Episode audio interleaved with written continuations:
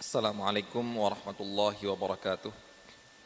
Alhamdulillah wassalatu wassalamu ala Rasulillah wa ala alihi wa sahbihi wa mawalah wa la haula wa la quwata illa billah. Allahumma arinal haqqa haqqan warzuqna ittiba'ah wa arinal batila batilan warzuqna ijtinabah wa la taj'alhu multabisan alaina fanadil. Allahumma ja'alna mimman yastami'ul qawla fayattabi'u ahsanah fa innaka waliyyu dzalika wal qadiru alaih. Allahumma faqina fid din, Allahumma faqina fid din, Allahumma faqina fid din wa 'allimna ta'wil. Hadirin kaum muslimin dan muslimat yang dirahmati Allah Subhanahu wa taala. Kita lanjutkan pembahasan uh, kajian kita dalam pembahasan fikih muamalah yang mana pembahasan kita telah sampai ke dalam pembahasan al-hajar, pemboikotan. Ada dua jenis pemboikotan, pemboikotan karena orang lain untuk maslahat orang lain yang sudah kita lewati yaitu orang-orang yang terjerat hutang ataupun orang-orang yang sedang pailit. Yang kedua, pemboikotan karena maslahat orang tersebut, orang yang sedang diboikot. Yaitu pemboikotan dilarang orang tersebut untuk mentransaksikan menggunakan hartanya karena orang itu orang itu sendiri demi maslahat dia sendiri. Siapa mereka? Mereka adalah orang yang tidak diizinkan bertransaksi di dalam syariat. Kita telah dalam fikih-fikih sebelumnya kita telah melewati jual beli misalnya. Kemudian kita katakan siapakah yang diizinkan dalam melakukan jual beli? Orang yang diizinkan bertransaksi oleh syariat. Berarti orang yang tidak diizinkan bertransaksi oleh syariat, maka dia tidak boleh bertransaksi walaupun yang sedang ditransaksikan adalah hartanya sendiri. Siapa mereka? Orang belum balik. Orang yang tidak akil dan orang yang tidak rasyid. Belum balik ini yaitu balik itu ada dengan sebab ada dengan umur. Kalau secara umur balik itu 15 tahun. Kalau secara sebab secara umur balik itu 15 Maka tahun. Ada yang sebabnya adalah mimpi basah. Kalau secara sebab secara umur balik itu 15 Maka tahun ada yang sebabnya adalah laki dan perempuan sama. mimpi basah. Atau kalau, kalau secara perempuan sebab, keluar haid. secara umur ini kalau kejadiannya sebelum 15 tahun, tahun. Ada yang sebabnya namun kalau sudah 15 tahun walaupun dia belum pernah mimpi basah sudah 15 tahun belum haid dia dianggap sudah balik. Dan 15 tahun ini Bapak-bapak dan ibu-ibu rahmati Allah Subhanahu wa taala ini tahun Hijriyah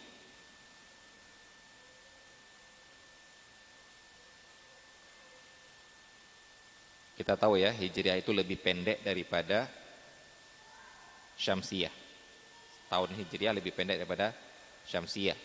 Nah, Hijriah dan penentuan baliknya itu sampai hitungan menit.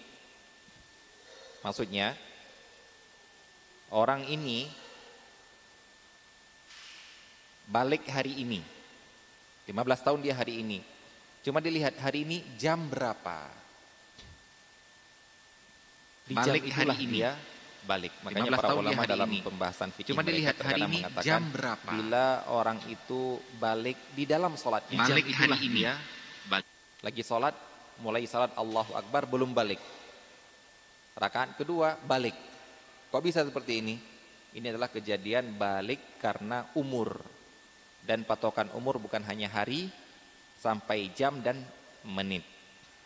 Walaupun di Indonesia pen, apa, penulisan waktu lahir itu cuma hari ya di akte kita. Penulisan lahir itu cuma hari. Ada negara yang benar-benar menulis jam berapa menit ke berapa. Itu berfungsi untuk bisa mengetahui kapan dia balik secara umur. Ada satu lagi yaitu tumbuhnya bulu kemaluan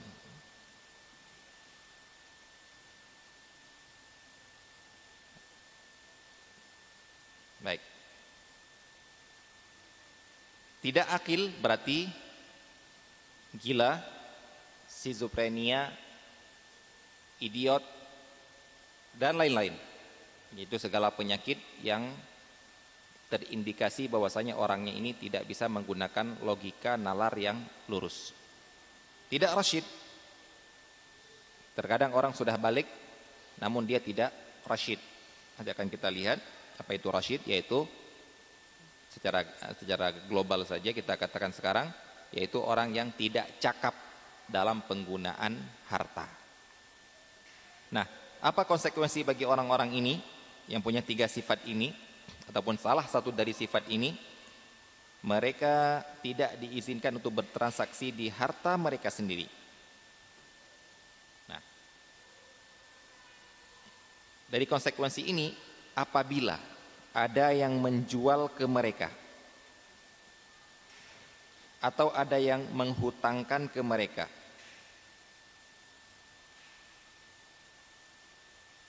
Sekarang ada orang yang orang anak kecil ini bawa uang membeli sesuatu. Konsekuensi dari boykot adalah tidak sahnya akad yang dilakukan. Sebagaimana pemboikotan yang sudah kita lewatin orang orang punya hutang yang sudah dihukum boikot oleh penguasa, kemudian diumumkan, maka siapa pun yang bertransaksi dengan dia tidak sah. Begitu juga anak ini, orang gila ini, orang yang belum rasyid ini, siapa pun yang bertransaksi dengan dia menyerahkan diserahkan laptop, dia beli laptop, HP, dia beli HP. Maka kita katakan jual belinya tidak sah. Berarti konsekuensi dari jual beli tidak sah, kembalikan uangnya, kembalikan HP-nya. Begitu juga kalau ada yang menghutangkan anak kecil ini atau anak orang gila ini minta hutang uang satu juta. Dikasih, maka setelah kita tahu kembalikan karena tidak sah akad hutang piutang yang dilakukannya. Maka dikembalikan barang dan uang tersebut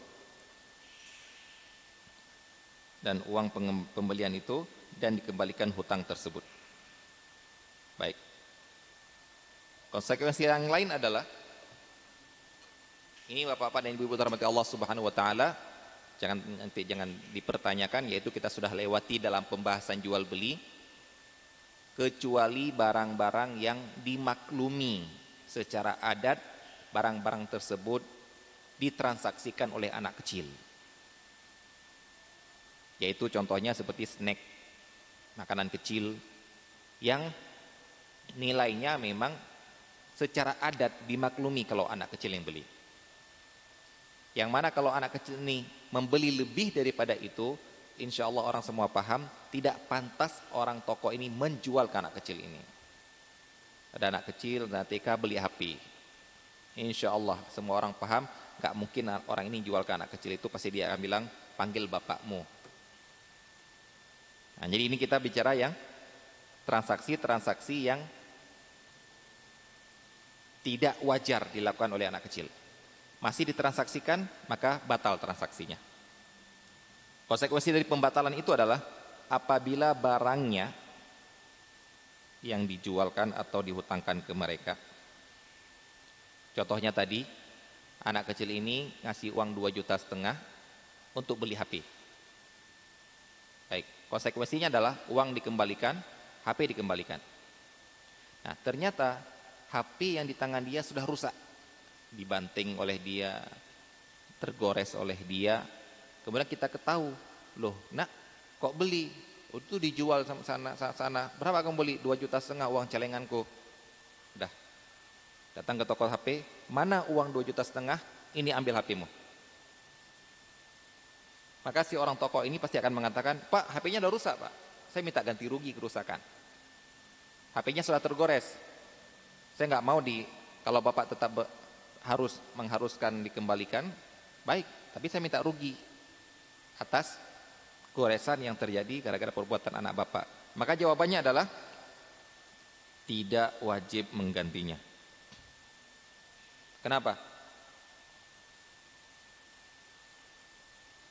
Karena yang salah adalah orang dewasa ini kenapa?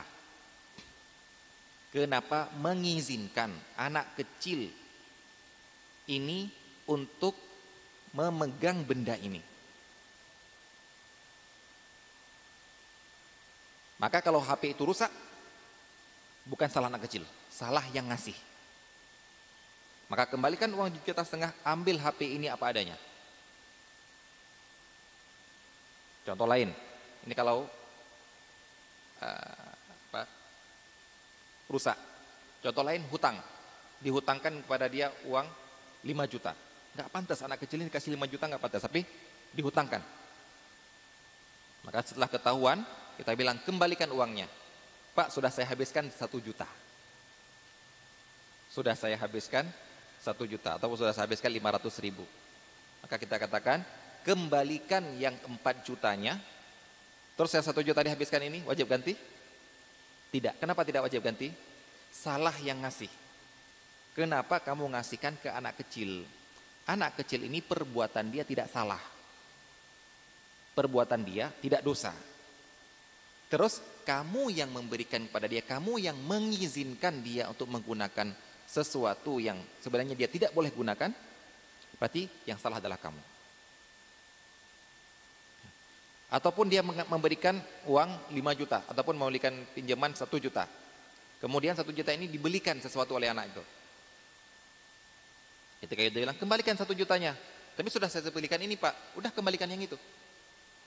Orangnya marah misalnya, oh saya nggak mau dikembalikan, saya mau dikembalikan uang satu juta. Enggak, salah kamu. Ngapain ngasih ke anak kecil satu juta? Dibelikan yang lain, ya ini saja yang kamu kembalikan untuk kamu. Kamu protes apa pun, ini tidak di, diterima. Karena kesalahan kamu. Diperhatikan Pak ya. Jadi di sini kesalahan anak kecil yang merusak barang orang lain di sini tidak di, tidak harus diganti. Beda dengan jika mereka merusak barang orang lain. Ini harus dibedakan. Anak kita jalan-jalan ke rumah tetangga, kesenggol potnya, ambil potnya dibanting, pecah. Ganti? Ganti. Anak kita main-main apa? Datang ke rumah tetangga, di atas meja tetangga ngambil-ngambil HP tetangga digores-gores, ganti? Ganti. Apa bedanya ini dengan yang tadi? Yang ini yang melakukan anak kecil ini. Yang itu diizinkan anak kecil itu untuk mutakatif. Maka sebagaimana kamu mengizinkan dia melakukan itu, maka yang dirusak oleh dia jangan marah.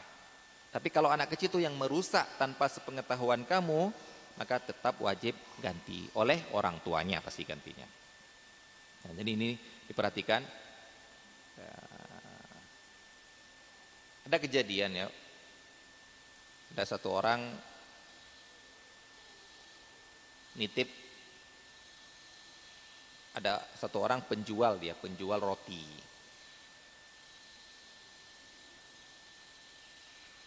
Kalau ada pesen dia bawa ke anaknya an, uh, oleh wali-wali maka dia punya anak an, seorang anaknya sekolah di SD kemudian wali-wali murid lain terkadang mesen roti mengatakan ini dari uminya. Yang anak-anak menganggap itu hadiah. Bawa pulang ke rumah ini hadiah. Berarti saya memakan makanan itu karena hadiah atas pemberitahuan anak kecil itu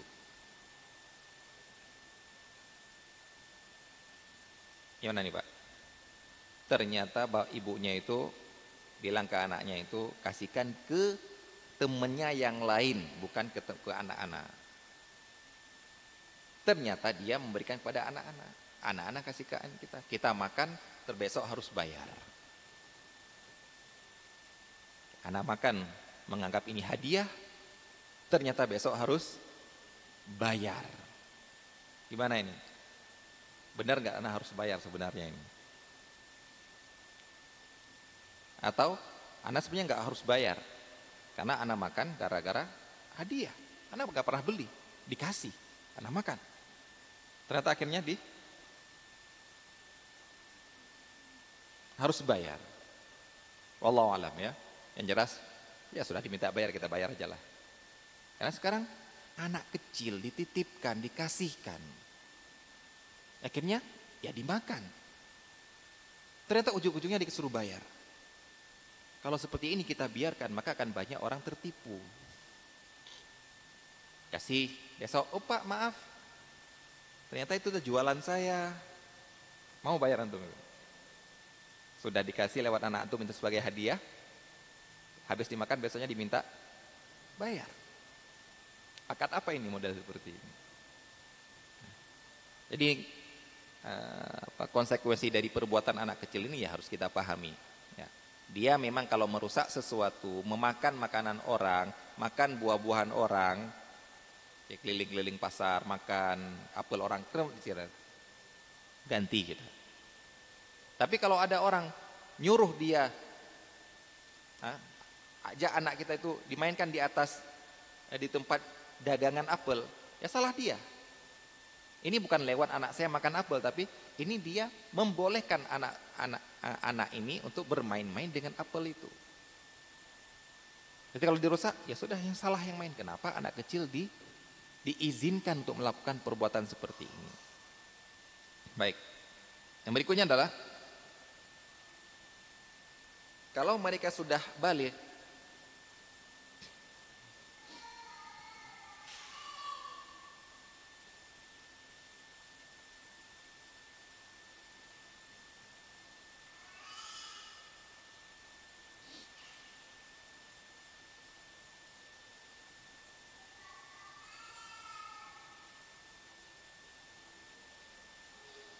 Kalau mereka sudah balik, berakal, rasyid, mereka terbebas dari pemboikotan tanpa menunggu keputusan hakim. Ini, ini ditunjukkan bedanya antara boikotnya pemboikotan dilakukan oleh hakim dengan pemboikotan yang terjadi dengan secara natural. Kalau hakim itu dari orang yang layak untuk bertransaksi dilarang. Kemudian dibolehkan lagi. Kalau orang ini memang secara natural dia memang terlarang untuk bertransaksi. Berarti begitu dia tercapai syarat-syarat untuk bertransaksi, sudah balik, berakal, rasyid, maka tidak perlu izin dari hakim. Langsung boleh dia melakukan transaksi. Segala transaksi yang dilakukan adalah uh, sah. Kemudian di sini beliau menyebutkan rasyid adalah cakap dalam bertransaksi harta. Bukti cakap adalah tidak tertipu dalam harga.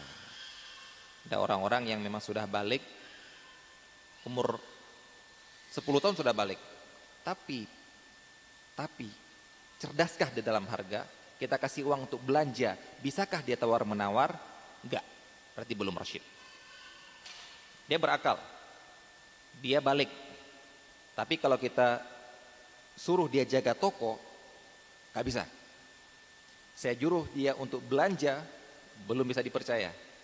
Maka kita katakan kamu memang sudah balik tapi belum rasyid.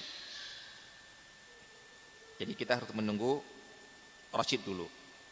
Kemudian di antara tanda rasyid adalah tidak menggunakan harta dalam hal yang tidak bermanfaat. Apalagi dipakai dalam hal yang haram. Maka ini walaupun dia balik berakal namun kalau kita kasihkan uang langsung habis untuk judi, langsung habis untuk minum, maka yang seperti ini tidak boleh dikasih uang ke dia walaupun itu uang dia, walaupun itu warisan dia. Kenapa? Alasannya apa? Belum rosyid. Tidak rosyid orangnya. Dia akan menggunakan harta untuk hal-hal yang tidak bermanfaat. Nah, kalau tadi uh, balik ada tanda-tandanya. Berakal bisa dilihat juga tanda-tandanya. Kita tahu yang mana orang berakal, yang mana yang tidak. Nah, sekarang bagaimana tanda orang rasyid? Cara mengetahui orang itu rasyid atau tidak?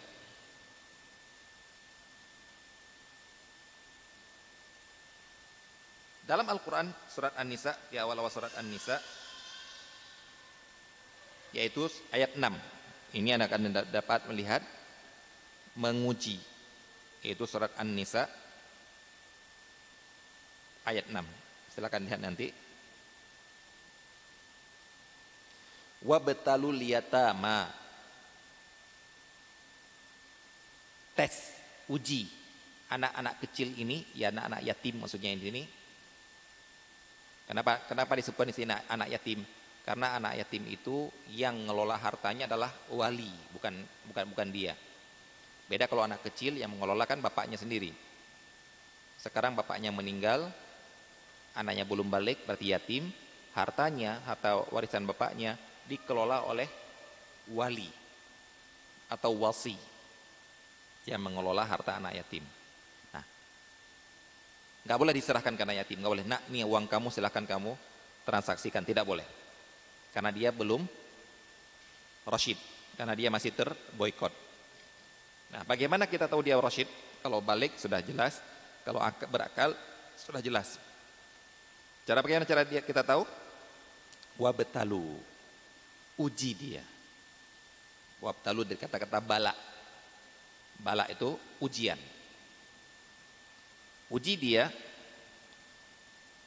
hatta idza balagun nikah kalau dia sudah balik fa in anastum minhum rusda ketika balik belum dikasihkan. Kalau sudah ketahuan rasyid baru boleh dikasihkan. Fadfa'u ilaihim amwalahum. Dengan cara menguji. Menguji sekali berhasil. Oh sekali dia pinter dagang pinter belanja sudah boleh belum sampai berkali-kali sampai kemudian bisa dikatakan dia sudah pinter, dia sudah bisa. Ini dikatakan dengan uh, kita menetapkan hukum sesuatu berdasarkan uruf, berdasarkan adat. Berdasarkan adat. Dan penentuan hukum sesuatu yang eh, apa? Yang ditentukan dengan diajari gimana kita katakan ya? Ada hukum ada hukum yang eh, ada ada ada eh, suatu penilaian ada suatu penilaian. Kalau tadi kan penilaian dia balik dengan umur dengan tanda-tanda yang sebab-sebab lain sekarang bagaimana menilai dia rasyid menilai dia rasyid dengan sebuah tes. Tes ini baru kita benar-benar kita namakan dia rasyid, bukan sekali tes berhasil tidak, harus berkali-kali. Berapa kali? Tidak ada penentuannya dalam syariat. Berapa kali? Intinya kamu sudah yakin dia lulus tes.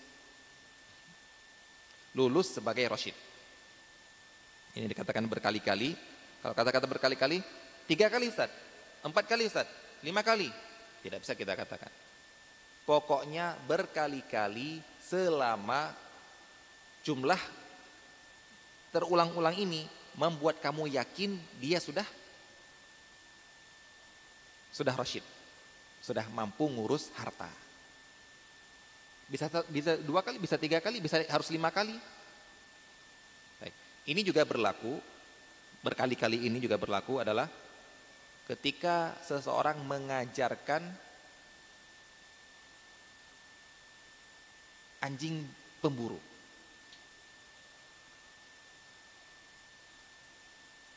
Orang boleh berburu dengan anjing. Maksudnya melepas anjing, kemudian anjing itu menerkam, menggigit hewan buruan sampai mati, maka halal dimakan sebagaimana kalau dia memanah kena hewan buruan mati juga halal dimakan. Nah, kalau panah oke, okay, dia cuma benda mati. Kalau sekarang anjing, benda hidup. Yang anjing makhluk hidup. Yang anjing juga punya keinginan. Punya nafsu, kemauan. Bisa jadi dia nangkap itu untuk dirinya, bisa jadi dia nangkap itu tutuannya. Cara membedakannya bagaimana? Bisa jadi anjing ini nangkap kelinci, gara-gara memang tuh mau dimakan sama dia. Bukan jadi emang seperti itu. Sekarang saya akan melatih dia untuk menangkap kelinci itu untuk saya. Nah sekarang setelah saya latih dia, berapa saya kemudian harus menguji. Berapa kalikah saya harus menguji bahwa saya sekarang benar-benar dia sudah saya yakin sekarang dia adalah anjing yang pinter menjadi alat pemburu. Sekarang tidak mungkin dia akan berburu untuk dirinya, pasti dia akan berburu untuk saya. Kalau ulama mengatakan yang terpenuhi tiga syarat, kalau disuruh dia mau, kalau disuruh berhenti dia berhenti dan dia tidak makan sedikit pun dari hewan tersebut. Nah ini perlu dilatih. Siapa tahu hari ini berhasil, besok dia makan. Oh berarti kemarin cuma kebetulan saja, sekarang dia, nah, berarti belum terlatih. Nah, ini dikatakan kita kembalikan kepada uruf. Dengan sekian dengan sekian kali ujian uh, uji coba, sekarang saya bisa yakin. Dengan sekian sekali saya uji coba, saya bisa yakin. Ayo, silakan kamu dagang sih, silakan kamu belanja, silakan kamu berhasil, berhasil, berhasil, berhasil. Kapan dites dia? Ketika hampir balik. Ketika hampir balik, coba. Dengan pengawasan pasti. Sehingga kalau nanti ada gagal, yang perbaiki adalah walinya, Oh maaf Pak, maaf Pak. Tadi belinya berapa Pak ini? Maaf ya. Nah, saya di, lagi lagi saya tes dia Pak. Saya lagi Baik kita ajarkan oh seharusnya gini, seharusnya kamu nawarkan gini, ini gini. Sebelum balik. Sehingga ketika balik semoga tepat balik dan Rashid berbarengan. Baru kemudian nak ini harta peninggalan bapak kamu punya kamu silakan kelola sendiri. Nah kita kan sudah tenang ini nggak akan mungkin disia-siakan, nggak mungkin dihambur-hamburkan, dia pasti akan dikelola, dikembangkan, dagang sudah bisa, dan lain sudah bisa, Masya Allah. Nah, di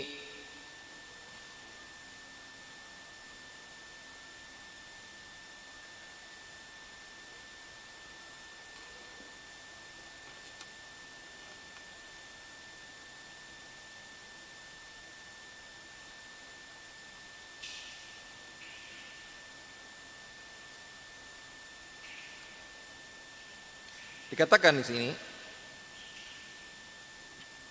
untuk menguji ini kata oleh Syekh di sini uji ini diuji sesuai dengan keadaannya. Apa sesuai keadaannya di sini? Yaitu anak pedagang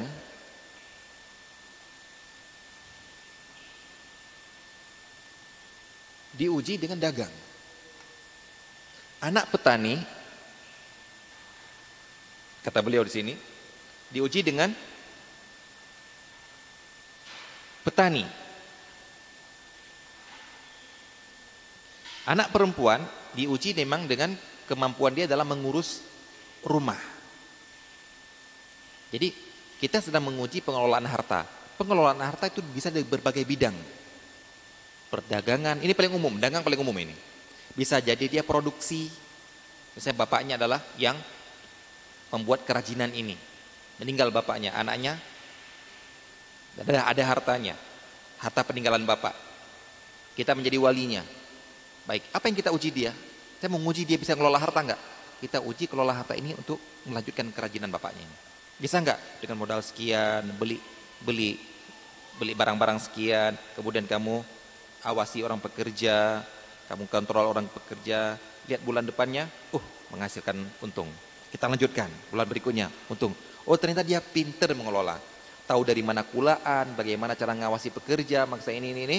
Nah sekarang ini ambil seluruhnya harta bapak peninggalan bapak kamu, silakan kamu lanjutkan usaha bapak kamu, saya sudah melihat kamu pintar untuk mengelola harta. Nah, kamu bapakmu pedagang. Nah, sekarang coba kita latih. Kita lanjutkan da, uh, toko bapakmu ini, coba kamu latih. Nah, habis barang, habis barang ngambil ke mana? Ayo. Enggak tahu Pak. Oh, kalau habis kan ngambil ke sana, pulaan ke sana. Nah, yang itu kalau yang ngangkat-ngangkat itu bayarnya cuma sekian. Kalau yang gini-gini bayarnya sekian. Bekerja jam sekian bayar sekian. Nah, ayo coba sekarang. Dan kita ngawasin, ngawasin sampai kemudian pinter. Ada untung, nggak ketipu. Datang sales nggak ketipu dia. Gini gini gini akhirnya mantap baru kita serahkan. Ini Pak, kita sedang ngomong ke orang anak kecil yang punya harta. Beda kalau anak kita. Saya orang tuanya, saya punya anak. Harta kan harta saya Pak, bukan harta anak kecil. Harta saya kan. Anak saya ini belum punya harta. Oke, kalau Bapak tanya mungkin, apakah anak saya harus saya latih seperti ini Ustaz? Kalau harus tidak. Karena dia belum punya harta. Mau Anda latih bagaimana? Yang kita bicarakan tadi anak yatim. Kenapa anak yatim? Karena dia punya harta. Bapaknya meninggal, meninggalkan harta untuk dia, tapi nggak boleh diserahkan. Punya 2 miliar. Toko masih jalan terus. 2 miliar, tapi anaknya masih TK. Kita kasih? Nggak kita kasih. Begitu dia sudah SD, mau SMP, mau balik, kita suruh. Ayo nak. Harta bapaknya masih ada yang 2 miliar itu, dikit-dikit. Pasti kalau dalam tes pasti ada gagalnya. Dan nggak salah kalau emang gagal. Oh ini salah gagal. Diajarin, jangan, jangan ini. Dikit-dikit akhirnya dia bisa ngelola toko, diambil semuanya. Jadi kita berbicara nih Pak, Bu, yaitu anak yang punya harta. Sedang diboykot untuk mengelola hartanya sendiri. Adapun anak kita, kita punya kata orang kaya anak kita yang nggak punya apa-apa ya mau ya nggak nggak nggak wajib dilatih seperti ini tapi boleh-boleh saja untuk melatih anak untuk mandiri itu boleh-boleh saja baik jadi apa yang diuji diuji dalam berbelanja oke itu semua orang butuh berlanja tapi yang diuji dengan sesuai dengan keadaannya adalah dalam hal pengembangan harta mengelola harta sampai dia mampu untuk mengembangkan hartanya tidak habis begitu saja. Baik. Kemudian di sini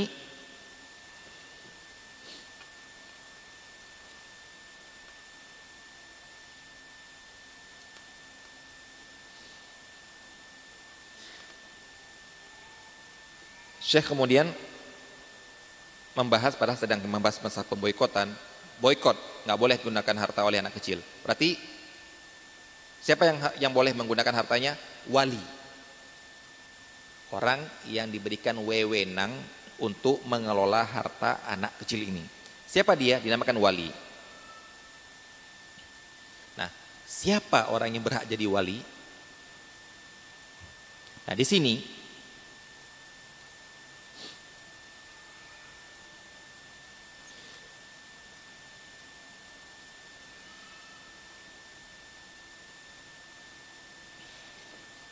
Perkataan para ulama di sini ada yang mengatakan wali itu hanya untuk pihak laki-laki.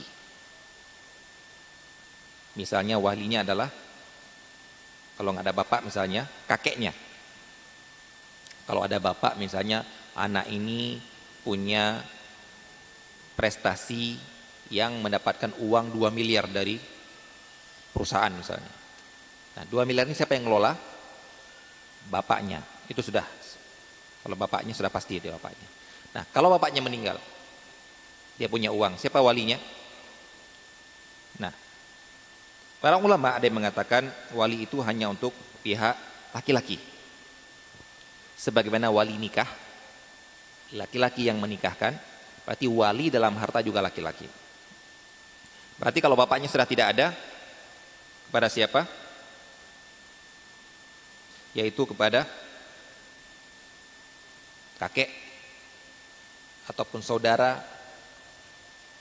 Kalau juga tidak ada baru kemudian hakim. Hakim yang memilih siapa yang ngurus hartanya. Di sini para ulama ada yang mengatakan ibunya anak kecil ini nggak boleh jadi wali. Jadi kalau ada anak yatim bapaknya meninggal punya harta ibunya malah nggak boleh ngelolakan harta anaknya. Ibunya oke okay, ibunya mengurus anaknya oke. okay. Tapi yang ngelola harta dia adalah wali.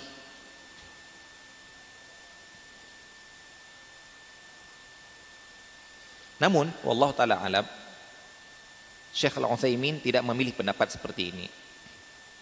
Beliau mengatakan wali itu wali dalam hal ini ini bukan wali dalam hal nikah. Wali hal nikah dalam hal nikah adalah orangnya yang kita lihat, siapa yang jadi berhak jadi wali.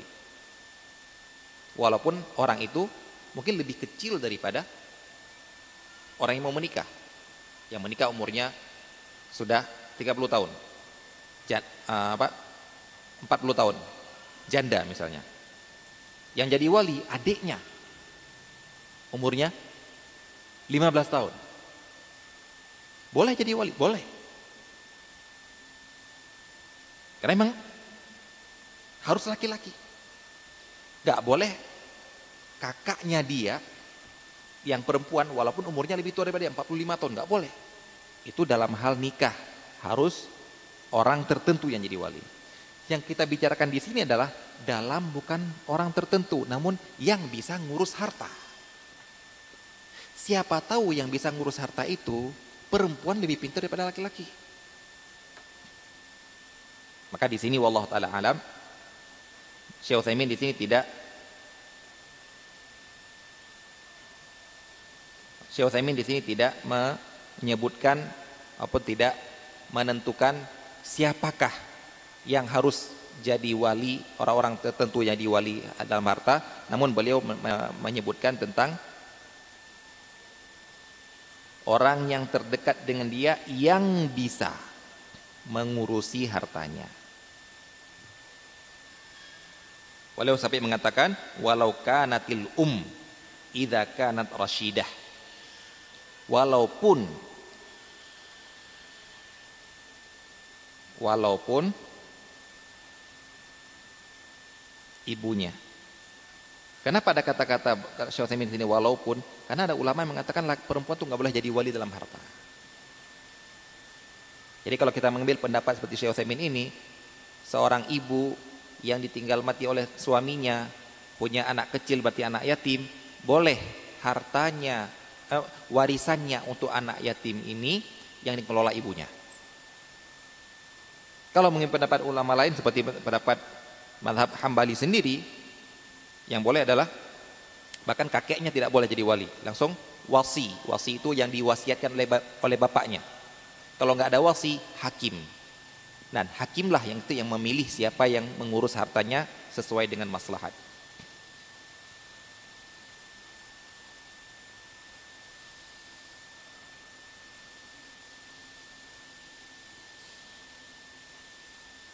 Kata kata Syuthaimin karena tujuannya bukan orangnya namun tujuannya adalah himayatu almal.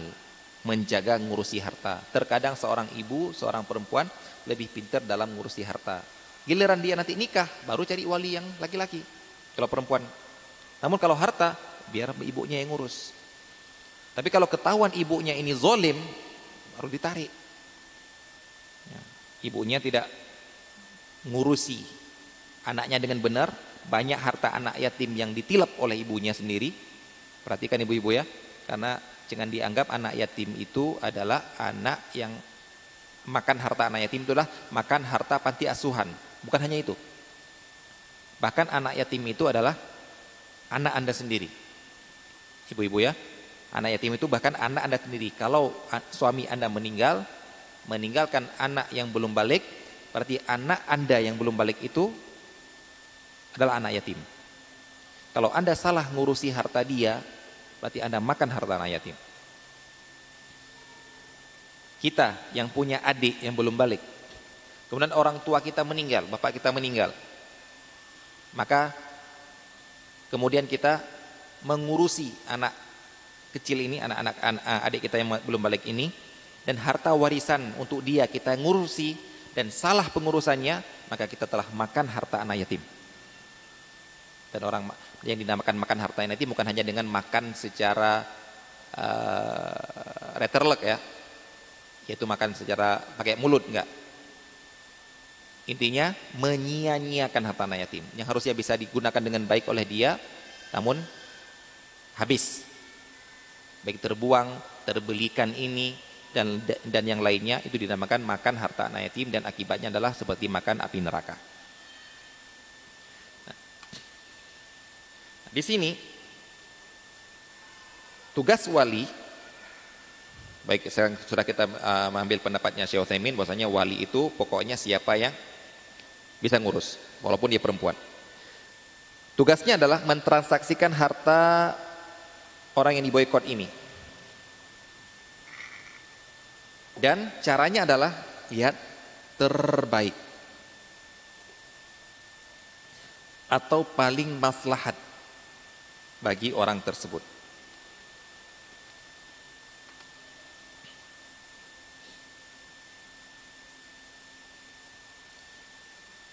Di sini berarti kata Syekh Utsaimin ada tiga pilihan di sini.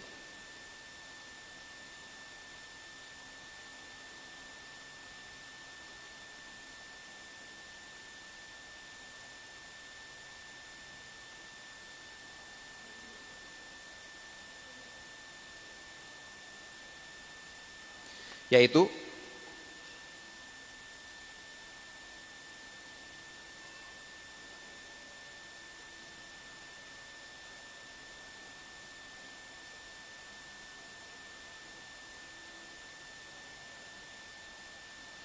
yakuna fi hub lakin ghairu hub alla yakuna fi hub itlaqan.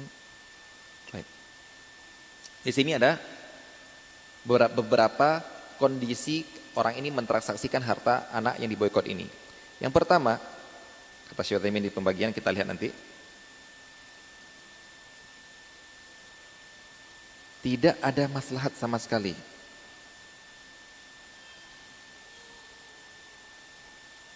Maka yang seperti ini tidak boleh dilakukan. Apabila transaksi harta anak yatim itu tidak ada masalah sama sekali, maka tidak boleh ditransaksikan.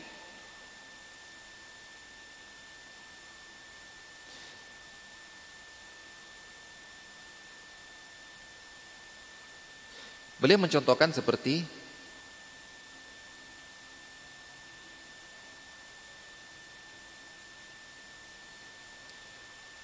membeli tanah untuk anak yatim. Dia ngurusi harta seorang anak yatim. Kemudian hartanya ada 2 miliar. Misalnya ya seperti ada ada pemerintah borong tanah untuk pembangunan tol, ada orang miliarder dadakan, kemudian meninggal orangnya. Meninggalkan anak yatim. Kita tahu ya kalau sudah begitu terima uang miliar miliaran itu di luar yang nunggu siapa? Sales mobil. Nah, begitu kita terima uangnya, mewakili bapaknya yang meninggal, untuk kita ngurus harta anak kecil yatim ini, 3 miliar dapat ganti rugi ganti rugi tanah. Tapi ini punya siapa? Punya anak kecil. Yang ngurus saya. Kemudian datang keluar rumah langsung ada nawarin Pajero. 3 miliar. Pajero cuma berapa? Bisa tuh? Bisa beli. Boleh nggak beli? Tanya dulu, ada masalah nggak? Mungkin beli Pajero nggak ada masalah untuk dia. Begini juga yang dicontohkan Syekh Utsaimin membeli tanah. Ada orang nawarin tanah. Pak nawarin beli tanah sini Pak. Karena tahu dia punya uang 3 miliar. Tanah dijualnya cuma 700 juta. Kita beli. Dan kata Utsaimin, beli ini harga nggak akan naik. Mungkin di daerah sini nggak akan naik harga segitu aja. Dan dia nggak butuh lagi nggak butuh tanah untuk bangun rumah di sini, maka tidak boleh beli. Investasi juga bukan. Maka di sini tidak ada maslahat sama sekali. Yang kedua,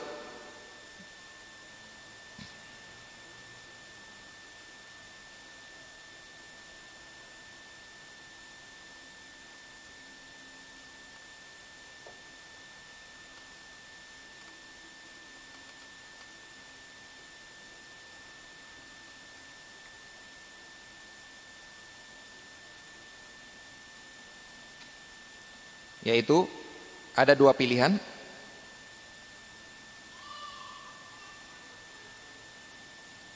Kedua-duanya maslahat. Maslahat ini lebih maslahat.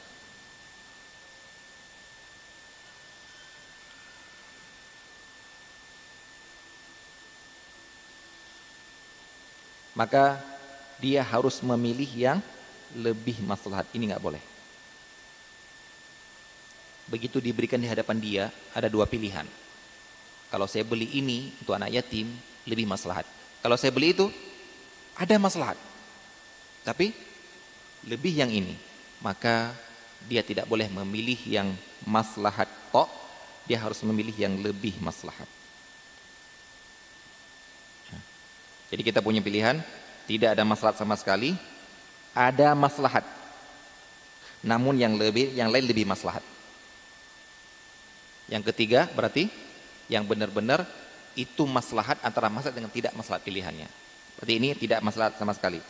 Pilihan yang kedua antara lebih maslahat dengan maslahat. Yang ketiga, antara maslahat dengan tidak maslahat. Maka kita harus memilih yang terbaik. Beliau mencontohkan di sini kalau seperti ketika mau uh, memutar harta anak harta anak anak yatim ini. Di depan dia ada dua pilihan bisnis. Dia punya uang modal 2 miliar di depan dia ada dua pilihan bisnis. Ini untung, bisa untung. Ini bisa untung. Ini jalannya lancar, ini bisa lancar, ini juga bisa lancar. Cuma yang ini lebih banyak untung daripada ini. Maka wali anak yatim ini harus memilih yang lebih maslahat, nggak boleh memilih ini. Kenapa kamu memilih ini? Oh, karena memilih yang ya, ya, yang kurang maslahat ini. Oh, gara-gara saya suka jualan ini, gini, nggak boleh. Karena dia sedang ngurus harta orang lain, dia harus memilih yang terbaik. Beda kalau itu harta Anda. Ini bedanya. Ya. Ini perbedaan antara ngurus harta orang lain dengan ngurus harta sendiri. Ngurus harta sendiri suka-suka Anda selama mubah. Buat gak boleh suka-suka Anda kalau nanti haram enggak. Tapi suka-suka Anda selama mubah. Maksudnya apa? Pak, ngapain sih bisnisnya bisnis? Ngapain sih? Uang berapa, Pak? Uang sekian miliar. Terus Bapak invest di mana? Bisnis itu. Eh, kok di situ, Pak? Itu paling marginnya cuma sekian, Pak. Kenapa nggak milih yang itu, Pak? Itu lebih besar. Dia bilang, saya tahu. Saya tahu itu lebih besar daripada ini. Tapi saya nggak suka. Saya sukanya ini. Saya sukanya bisnisnya jualan jam. Seneng saya lihat. Jam. Saya walaupun tahu jualan properti itu lebih untung, saya tahu. Tapi saya nggak suka sukanya ini. Ada tuh orang seperti itu? Ada. Nah, saya suka pertanian, saya punya uang sini, saya mau bertani. Saya. Pak ngapain bertani? Pak bertani itu Pak putarannya kecil sekali. Dia memang untung tapi kecil sekali. Gak apa-apa, saya suka kok. Saya lihat lihat hijau-hijau, lihat lihat hewan-hewan suka saya. Kenapa nggak gitu aja? Saya nggak suka dagang. Saya nggak usah produksi. Saya sukanya tani. Boleh. Tapi kalau untuk milih untuk orang lain, gak boleh seperti ini. Pilih yang ter yang terbaik. Baik. Nah, ini ini ini menunjukkan bahwasanya uh, beratnya ngurusi harta orang. Beda dengan ngurusi harta sendiri. Jangan dibalik ya, terkadang ada orang untuk harta sendiri dibela-belain, harta orang di mudah-mudahin gitu. Nggak boleh. Itu, itu, itu sebaliknya malah. Harta sendiri Anda mudah-mudahin. Yang tanggung jawab Anda cuma kepada Allah antara Anda dengan Allah. Tapi kalau harta orang lain, tanggung jawab Anda antara Anda dengan Allah dan manusia lain. Nah, makan harta anak yatim, Anda tanggung jawab kepada dia. Baik. Kemudian dikatakan di antara juga juga adalah perhatikan tidak boleh bagi si wali bersedekah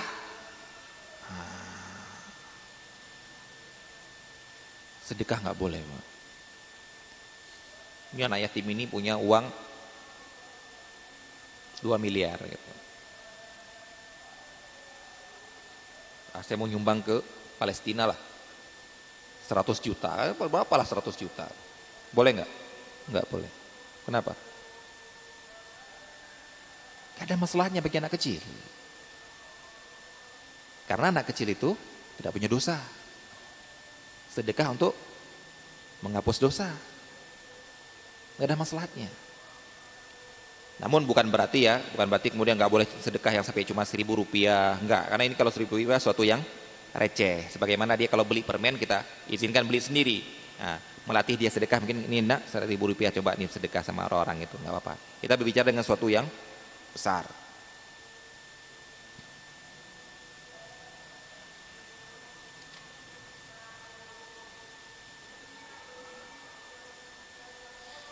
Kemudian apabila si wali hendak mengembangkan harta tersebut dengan berdagang, nah, ini perintah Umar bin Khattab agar harta anak yatim itu dikembangkannya. Makanya bagus ada seorang ustaz ditanya, "Ustaz, bagaimana tentang menabung?" Enggak, enggak ada anjuran menabung. Enggak ada anjuran menabung, yang ada anjuran adalah mengelola harta, mengembangkan harta. Maka boleh asalkan dia tidak diupahi atau gratis. Nah di sini masya Allah, Pak. perhatikan Pak ya.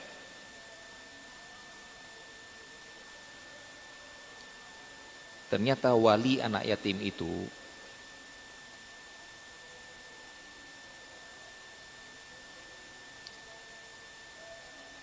itu ada dinamakan tuhmah. Tuhmah itu adalah kalau kita artikan dalam bahasa Indonesia kecurigaan. Itu terkadang ada satu alasan tidak dibolehkan karena gara-gara ada tuhmah. Oh nggak boleh kamu, kenapa? Tuhmah. Bukan berarti dia salah, bukan. Contohnya ya, contohnya. Para ulama mengatakan tidak boleh seorang anak menjadi saksi untuk membela bapaknya dalam peradilan. Tidak boleh seorang musuh, saya punya musuh dia. Orang semua orang kampung tahu dia sama saya musuhan. Kemudian ketika ada kejadian di peradilan, dia menjadi saksi untuk melawan saya. Saya saya kemudian ada, ada kasus dengan orang lain. Orang lain ini ketika butuh saksi, dia cari yang orang ini. Maka itu dalam pengadilan nggak diterima. Siapa saksi kamu? Saya datang saksikan saksi ini pak. Anda protes pak. Saksi ini musuh saya pak. Sebelum kejadian, sebelum kasus ini dia sudah sama saya memang sudah sekampung orang tahu saya dia ini sering fitnah saya, sering ini saya benci saya dan sebagainya. Saya, saya menolak untuk jadikan dia sebagai saksi. Memang nggak boleh. Walaupun yang dibicari yang, yang diceritakan benar. Kenapa? Tuhmah. Apa itu tuhmah? Kecurigaan dia akan membuat sesuatu yang mencelakakan saya. Karena kesempatan ini. Begitu juga seorang anak nggak boleh jadi saksi bapaknya, nggak boleh jadi saksi anaknya. Kenapa? Saksi untuk membela ya, saksi untuk membela, nggak boleh karena curiga. Belanya bukan gara-gara benar, tapi gara-gara kasih sayang. Beda kalau musuh dijadikan saksi untuk membela. Oh, itu malah itu malah sangat diizinkan. Ada kamu punya saksi nggak? Enggak Pak Hakim, nggak ada yang lihat seorang. Saya Pak Hakim, uh, ini musuh saya nih. Saya Pak Hakim, saya mengatakan dia benar Pak Hakim. Dia nggak melakukan ini, dia melakukan, uh, ini musuh saya tapi dalam saksi dia membela saya. Ini malah diterima. Kenapa? Tidak ada tuhmah, tidak ada kecurigaan. Nah, sekarang ada orang sedang mengelola harta anak yatim. Apa kecurigaannya? Kecurigaannya adalah cari manfaat. Cari korupsi lah, kalau kita katakan korupsi lah.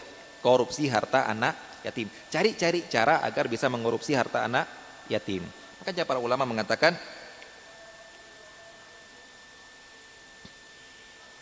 boleh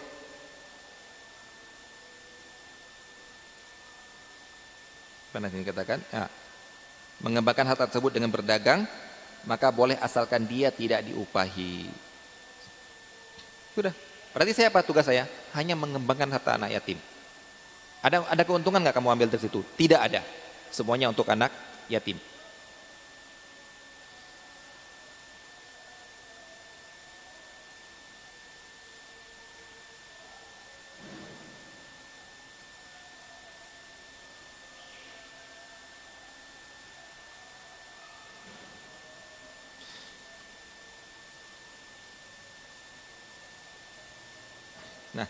Ini kalau dia yang ngelola. Kalau dikelola oleh orang lain, baru boleh ngambil upah. Dikatakan di sini,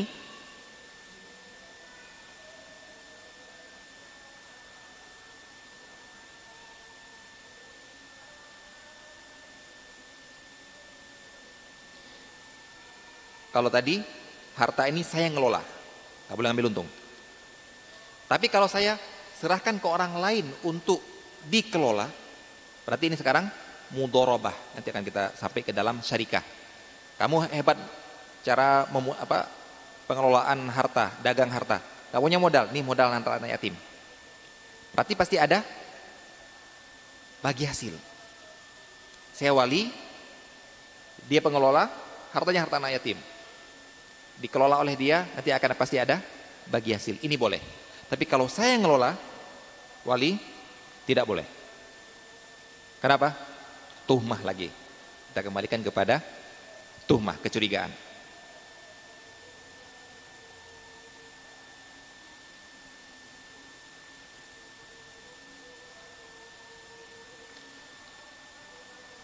Kecuali, boleh mencontohkan, berarti ini harus gratis. Kecuali kapan orang ini boleh untuk ngambil upah. Dia bukan nyuruh orang lain kelola, biar dia yang kelola. Apabila ketika dia mengelola harta tersebut, menyita waktunya. Beda kalau dia punya toko, ini dikelola oleh dia juga. Dia punya waktu untuk sini, punya waktu untuk sini, dapat keuntungan dari tokonya sendiri, ini juga dijalankan oleh dia, maka harus gratis. Tapi kalau kalau saya terjun untuk mengelola harta anak yatim ini, habis waktu saya. Saya nggak bisa cari uang lagi. Habis untuk sini. Maka yang seperti ini, dia boleh ngambil upah dengan syarat. Dengan syarat, penentuan upahnya oleh dari hakim. Apa tujuannya Pak ini? Kenapa harus dari hakim? untuk menghilangkan tuhmah. Menghilangkan kecurigaan. Sehingga kalau ditanya nanti, "Wih, kamu banyak uang sekali ya." Ya alhamdulillah saya ngelola harta anak yatim. "Puh, kamu makan harta anak yatim?" Enggak. Saya Mbak uh, ngambil keuntungan aja dari saya kelola. Oh, berarti nanti kamu makan harta yatim. Yang menentukan gaji, yang menentukan pembagiannya hakim bukan saya. Dan hakim dalam hal ini harus benar-benar menentukan secara maslahat. Yang tidak merugikan anak kecil, anak yatim, dan juga tidak merugikan waktu dia. Berarti dia bisa menjawab, saya melakukan ini, jangan nuduh saya korupsi. Jangan nuduh saya tuhmah. Karena yang menentukan pembagiannya adalah hakim. Itu tujuannya. Jadi kalau kita tanya ini, kenapa tujuannya ini dengan ini? Ini tuhmah, Ini satu. Baik. Gini Pak ya, terkadang uh, kalau bapak-bapak dan ibu-ibu baca ayat tentang banyak orang bilang itu ayat tentang poligami. Fankihu ma tabalakum minan nisa imathna wa thulatha wa ruba' itu Allah taala alam menurut saya itu bukan ayat tentang perintah poligami. Itu bukan ayat untuk memerintahkan poligami. Itu ayat sedang menceritakan tentang kejadian pada seorang yang sedang mengurus anak perempuan anak yatim. Anak perempuan ini dia anak yatim. Itu gitu, ini seorang misalnya saya, misalnya saya. Saya sedang ngurus anak perempuan orang lain. Teman saya meninggal, suruh dia untuk menguruskan anak dia yang perempuan ini, ini hartanya. Saya lihat, uh hartanya 3 miliar, anak perempuan hartanya 3 miliar. Maka ada dalam terbersit hati saya, ah saya akan nikahi dia. Melihat hartanya besar. Saya nggak akan mengizinkan dia nikah sama orang lain. Akan setiap orang mau ngelamar tak, tak tolak gitu. Karena ini pingin saya nikahi. Maka di sini ada apa ini? Kecurigaan. Saya mau nikahi dia gara-gara curiga melihat harta. Saya curiga kalau ngelarang-larang orang lain melamar gara-gara pingin untuk saya. Maka Allah mengatakan dalam Al-Quran, wa in khiftum alla tuqsitu fil yatama. Ini orang yang bertakwa, yang, yang dipanggil orang bertakwa. Kamu khawatir nggak bisa berlaku adil untuk anak untuk anak kecil ini, anak anak yatim ini. Apa berlaku adil? Berlaku adil akan memilih calon untuk menikahi dia yang baik. Bisa jadi saya baik, bisa jadi mereka baik. Tapi terkadang saya melarang orang lain gara-gara saya pingin. Tapi kalau saya pingin, jangan-jangan saya nggak bisa berbuat adil. Apa maksud berbuat adil sini? Jangan-jangan saya akan mengurangi maharnya, mengurangi nafkahnya, gara-gara saya ngelola lu hartanya ini. Maka kalau kamu takut nanti nggak bisa berlaku adil, mengelola harta anak perempuan ini, maka nikah sama yang lain sana. Itu maksudnya. Nikah yang lain mau dua, mau tiga, mau empat, terserah. Kalau nggak mampu beradil, laku adil, satu saja cukup. Itu ayatnya. Itu bukan ayat memerintahkan untuk poligami, bukan. Itu ayat menceritakan seorang yang gak takut gini, mending nikah sama yang lain. Berapa? Mau dua, tiga, empat. Gak usah ngurus-ngurus yang ini. Ini nikahkan sama orang lain aja. Gak usah ngelirik-ngelirik ini, mau saya nikah nanti gak, takut gak berlaku adil. Ini nikahkan sama orang lain, saya cari wanita lain. Itu maksudnya. Jadi apa ada apa di sini? Berlaku, gak, takut gak berlaku adil? Tuhmah. Apa itu? Kecurigaan. Kecurigaan ingin menguasai harta dia, ingin saya nikahi dia dengan mahar seadanya yang menentukan saya. Ini namanya kecurigaan. Nah begitu juga orang yang ngurus harta anak yatim ini, kalau dia ngurus, takutnya nanti ada kecurigaan. Ah, santai aja ngurusnya, saya yang kelola kok. Hartanya saya yang pegang kok. Mending kasih ke orang lain yang bisa ditegur. Eh, kenapa kamu kerjakan mutorobahnya seperti ini? Kenapa kerjanya nggak giat? Namun kalau saya yang kelola harta yatim, bisa jadinya gak ada yang negur. Ngapain negur? Dia kelola harta yang yang dipegangnya sendiri kok. Nah itu deh hati-hati Pak ya. Ini masalah ngurus harta orang lain itu sangat berat. Jadi di sini kata beliau tidak boleh ngambil upah kecuali kalau di apa ditentukan oleh hakim dan dia tidak punya pekerjaan yang lain. Nah, kemudian wali tersebut tidak boleh minta upah dari tugas dia sebagai wali. Hmm. Saya minta upah ya sebagai wali anak yatim nggak boleh. Ini memang harus amanah yang harus diemban. Tapi boleh bagi wali yang miskin untuk ikut makan dengan sekadarnya dari harta orang yang diboykot. Upah tidak, tapi ini nafkah. Yaitu misalnya anak yatim ini punya harta. Punya ada beras dia, ada beras saya. Tidak perlu di rumah itu dibedakan beras anak yatim dimasak sendiri, dimakan anak yatim, beras saya dimakan untuk keluarga saya tidak perlu, campur aja nggak apa-apa. Ini Allah katakan dalam Al-Qur'an wa intu khalituhum fa ikhwanukum. Karena dulu para sahabat seperti itu, saking takutnya makan harta anak yatim, makanan anak yatim dengan yang di rumah dia dipisah. Ini makanan kami, ini makanan anak yatim. Nah, kemudian Allah katakan campur saja, itu sudah saudara kamu saja. Allah mengatakan wa kana faqiran fal uh, ghaniyan falyasta'fif wa kana faqiran falyakul bil ma'ruf. Kalau memang dia orang kaya, orang yang mampu, maka hendaknya wa man kana faqiran falyakul bil ma'ruf. Kalau orang kaya hendaknya falyasta'fif. Jaga ifah, enggak makan apa-apa. Namun kalau dia orang miskin, silakan. Apa-apa kamu makan seadanya dengan apa yang kamu da, yang yang ada apa gandum, beras, punya anak yatim yang ada di rumah kamu yang kamu beli dengan harta mereka. Baik, demikian yang Pak kita sampaikan insyaallah akan kita lanjutkan pada pertemu, pada habis maghrib nanti dengan wakalah. Wassalamualaikum warahmatullahi wabarakatuh.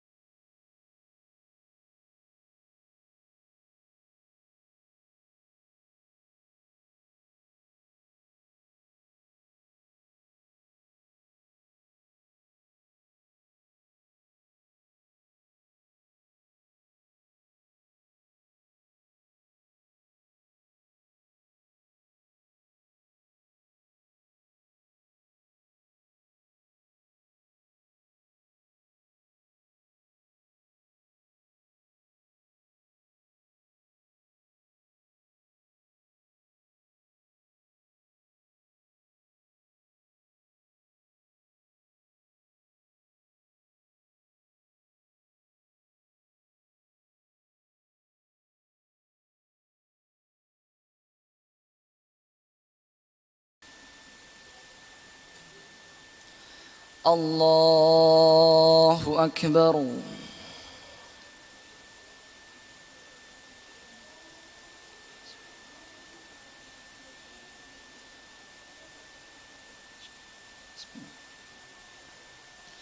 الحمد لله رب العالمين. الرحمن الرحيم. مالك يوم الدين. إياك نعبد وإياك نستعين.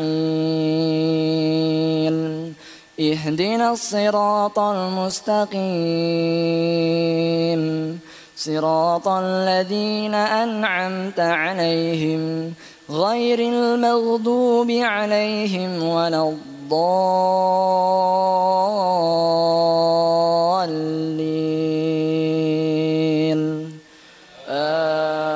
آمين. يا أيها الذين آمنوا لا تأكلوا الربا أضعافا مضاعفة واتقوا الله واتقوا الله لعلكم ترحمون. واتقوا النار التي أعدت للكافرين. وأطيعوا الله والرسول لعلكم تفلحون. وسارعوا إلى مغفرة من ربكم وجنة عرضها السماوات والأرض أعدت للمتقين الذين ينفقون في السراء والضراء والكاظمين الغيظ والعافين عن الناس والله يحب المحسنين. والذين إذا فعلوا فاحشة أو ظلموا أنفسهم ذكروا الله ذكروا الله فاستغفروا لذنوبهم. ومن يغفر الذنوب إلا الله ولم يصروا على ما فعلوا وهم يعلمون. أولئك جزاؤهم مغفرة من ربهم وجنات. وجنات تجري من تحتها الأنهار خالدين فيها. ونعم أجر العاملين.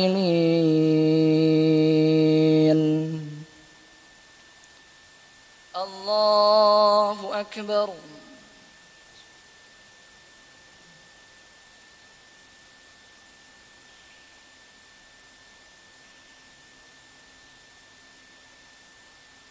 سمع الله لمن حمده.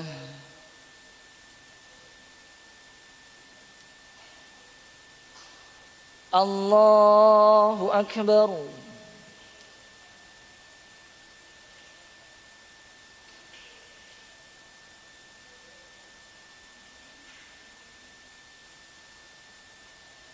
الله أكبر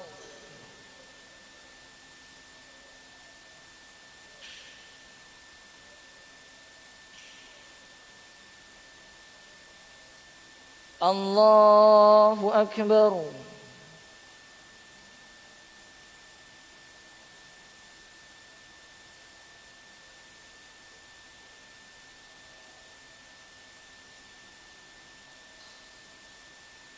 الله أكبر.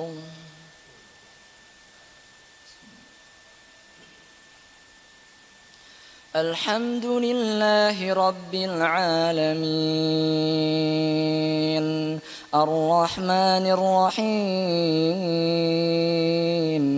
مالك يوم الدين. إياك نعبد وإياك نستعين. اهدنا الصراط المستقيم. صراط الذين أنعمت عليهم غير المغضوب عليهم ولا الضالين.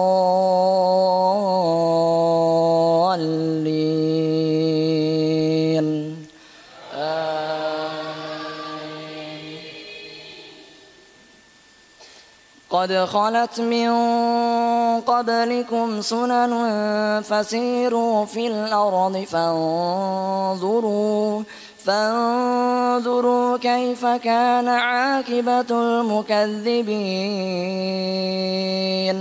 هذا بيان للناس وهدى وموعظة للمتقين. ولا تهنوا ولا تحزنوا وأنتم الأعلون إن كنتم مؤمنين. إن يمسسكم قرح فقد مس القوم قرح مثله. وتلك الأيام نداولها بين الناس. وليعلم الله الذين آمنوا ويتخذ منكم شهداء والله لا يحب الظالمين.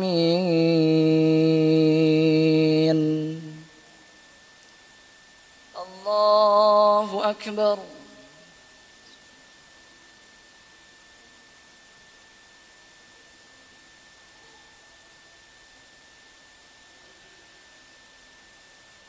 سمع الله لمن حمده.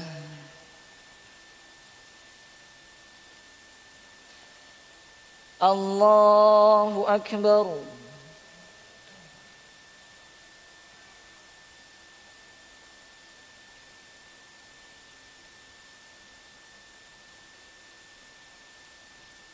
الله أكبر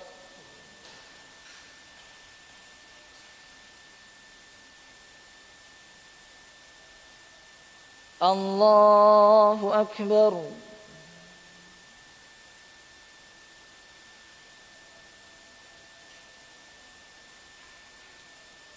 الله أكبر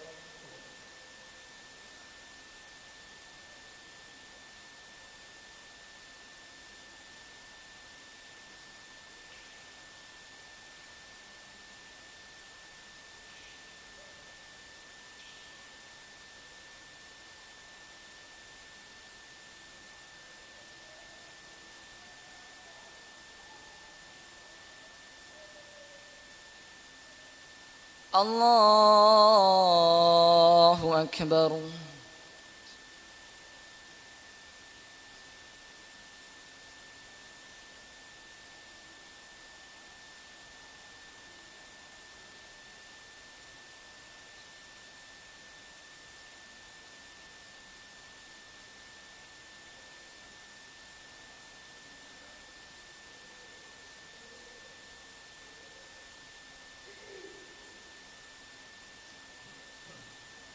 الله أكبر.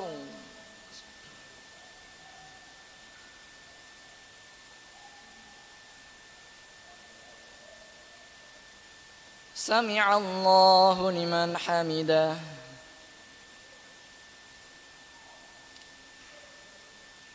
الله أكبر.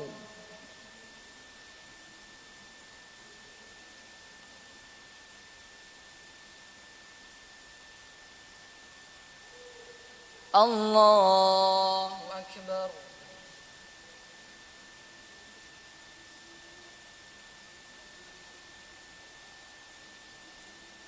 الله أكبر.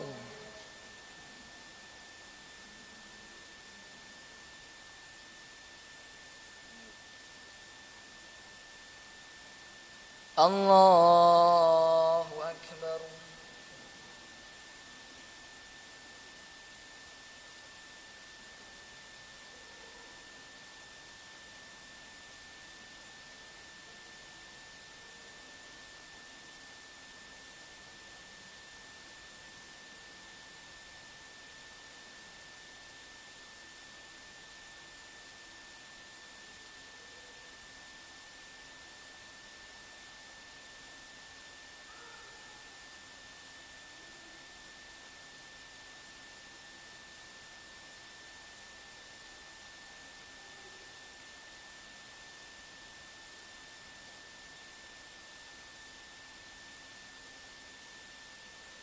السلام عليكم ورحمة الله. السلام عليكم ورحمة الله.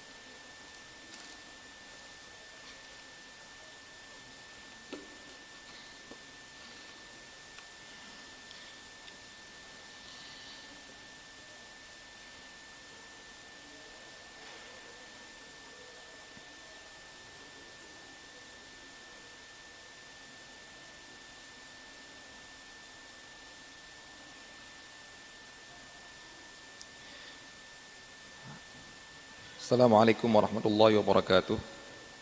Alhamdulillah wassalatu wassalamu ala Rasulillah wa ala alihi wa sahbihi wa mawala wa la haula wa la quwata illa billah. Kita lanjutkan kajian kita dalam pembahasan fikih muamalah.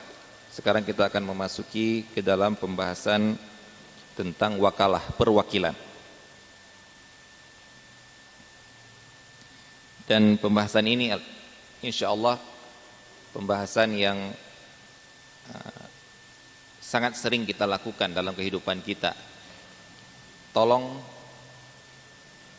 ambilkan, belikan. Jadi itu semua adalah sebenarnya perwakilan. Tolong ambilkan, tolong tolong bawakan, tolong ini, tolong itu dan sebagainya, tolong kirimkan, itu semua adalah perwakilan. Walaupun mungkin kita tidak tahu itu adalah bab perwakilan di dalam fikih. Namun hakikat yang kita lakukan walaupun kita minta bilang minta tolong itu adalah sebenarnya perwakilan. Nah, marilah kita lihat apa konsekuensi dalam akad perwakilan. Jangan sampai kemudian kalau kita melakukan sesuatu dituntut dengan konsekuensi yang kita lakukan kita tidak kita tidak bersedia melakukannya padahal itulah konsekuensi dari apa yang kita mintakan. Di sini akan kita lihat arti perwakilan adalah perpanjangan. Maaf ada salah tulis ini. Perpanjangan tangan dari seseorang untuk melakukan sesuatu.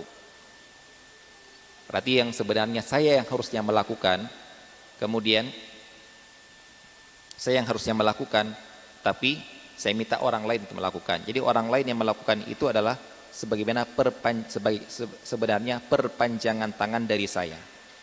Jadi perbuatan dia itulah perbuatan saya. Ucapan dia itulah ucapan saya. Karena dia itu sebagai perpanjangan tangan dari saya. Kemudian sebelum kita masuk yang boleh ini, kita lihat hukumnya apa hukumnya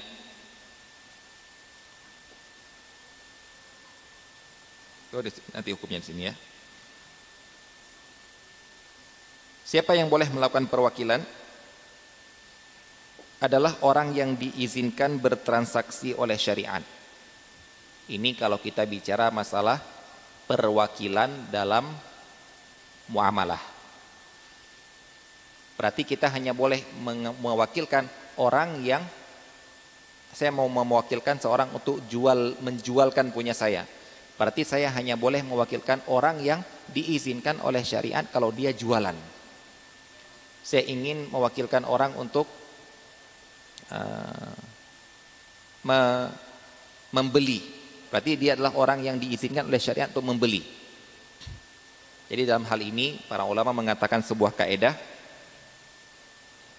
barang siapa yang boleh melakukan sesuatu Barang siapa yang boleh melakukan sesuatu Maka boleh bagi dia untuk mewakilkan Dan boleh bagi dia untuk menerima perwakilan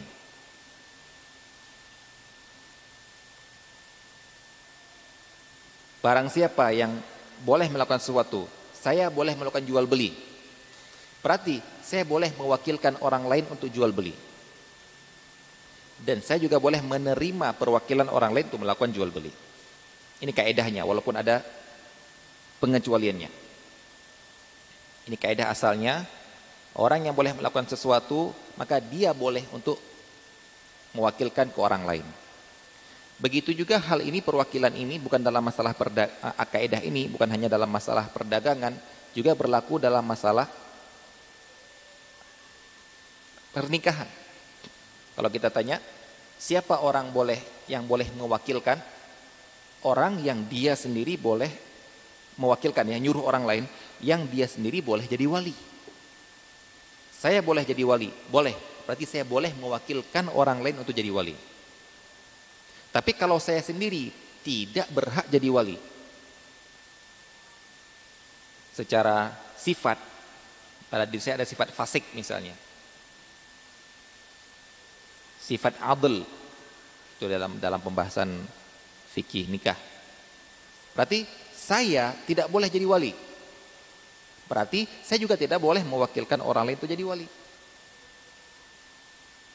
Makanya ada orang-orang yang bilang gara-gara wanita ini nggak punya wali, akhirnya wanita ini mewakilkan dirinya ke orang lain. Itu tidak boleh. Kenapa tidak boleh? Karena wanita tidak boleh jadi wali. Berarti dia tidak boleh mewakilkan orang lain untuk jadi wali. Begitu juga dia. Siapa yang uh, karena saya boleh jadi wali untuk anak saya, berarti saya boleh untuk menerima perwakilan orang lain untuk menikahkan anak dia. Kalau saya sendiri tidak boleh jadi wali, berarti saya tidak boleh jadi menjadi wali juga atas perwakilan orang lain. Ini dinamakan kaidah dalam perwakilan. Jadi lihat dulu siapa orang yang boleh kita jadikan wali dan siapa orang boleh itu mewakilkan orang lain. Hukumnya bagi yang mewakili berarti yang melakukan perbuatan yang disuruh oleh orang lain dia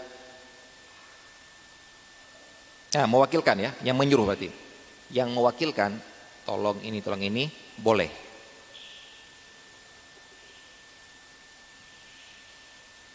Bagi yang mewakili sunnah.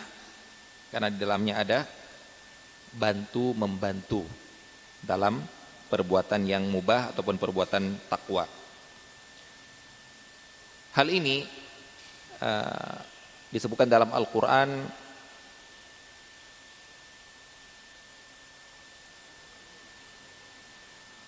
uh, yaitu dalam kisah orang-orang sebelum kita umat sebelum kita yaitu kisah Ashabul Kahfi. Ketika mereka terbangun, mereka mewakilkan seseorang untuk beli makanan. Fab'athu ahadakum biwariqikum hadhihi ilal madinati falyanzur ayyuha azka ta'ama falyatikum rizqan minhu waliyatalattaf. Maka mereka bersepakat, mana uang-uang kalian? Mari kita titipkan ke orang ini untuk membeli makanan di kota. Berarti dia adalah wakilnya orang-orang yang lain yang disebutkan di dalam Al-Quran. Ini adalah syariat orang sebelum kita, syariat umat sebelum kita. Apakah berlaku di zaman ini? Kita lihat dulu, disetujui enggak oleh syariat kita? Ada larangan enggak di syariat kita? Atau uh, apa dilakukan oleh Rasulullah Sallallahu Alaihi Wasallam enggak di zaman kita untuk syariat kita? Maka kita katakan ya. Syariat yang sebelum kita itu ini dilakukan oleh Ashabul Kahfi maka disetujui oleh Rasulullah Sallallahu Alaihi Wasallam di syariat kita karena Rasulullah Sallallahu Alaihi Wasallam pernah mewakilkan orang di antaranya adalah mewakilkan orang mewakilkan Ali bin Abi Thalib untuk menyembelih hadiu dan membagikan hadiu punya Rasulullah sallallahu alaihi wasallam. Hadiu ketika jam, ketika haji wada hewan yang disembelih di uh, di Mina hadiu punya Rasulullah sallallahu alaihi wasallam. Namun diwakilkan kepada Ali bin Abi Thalib untuk menyembelih untuk ngurus untuk membagikan dagingnya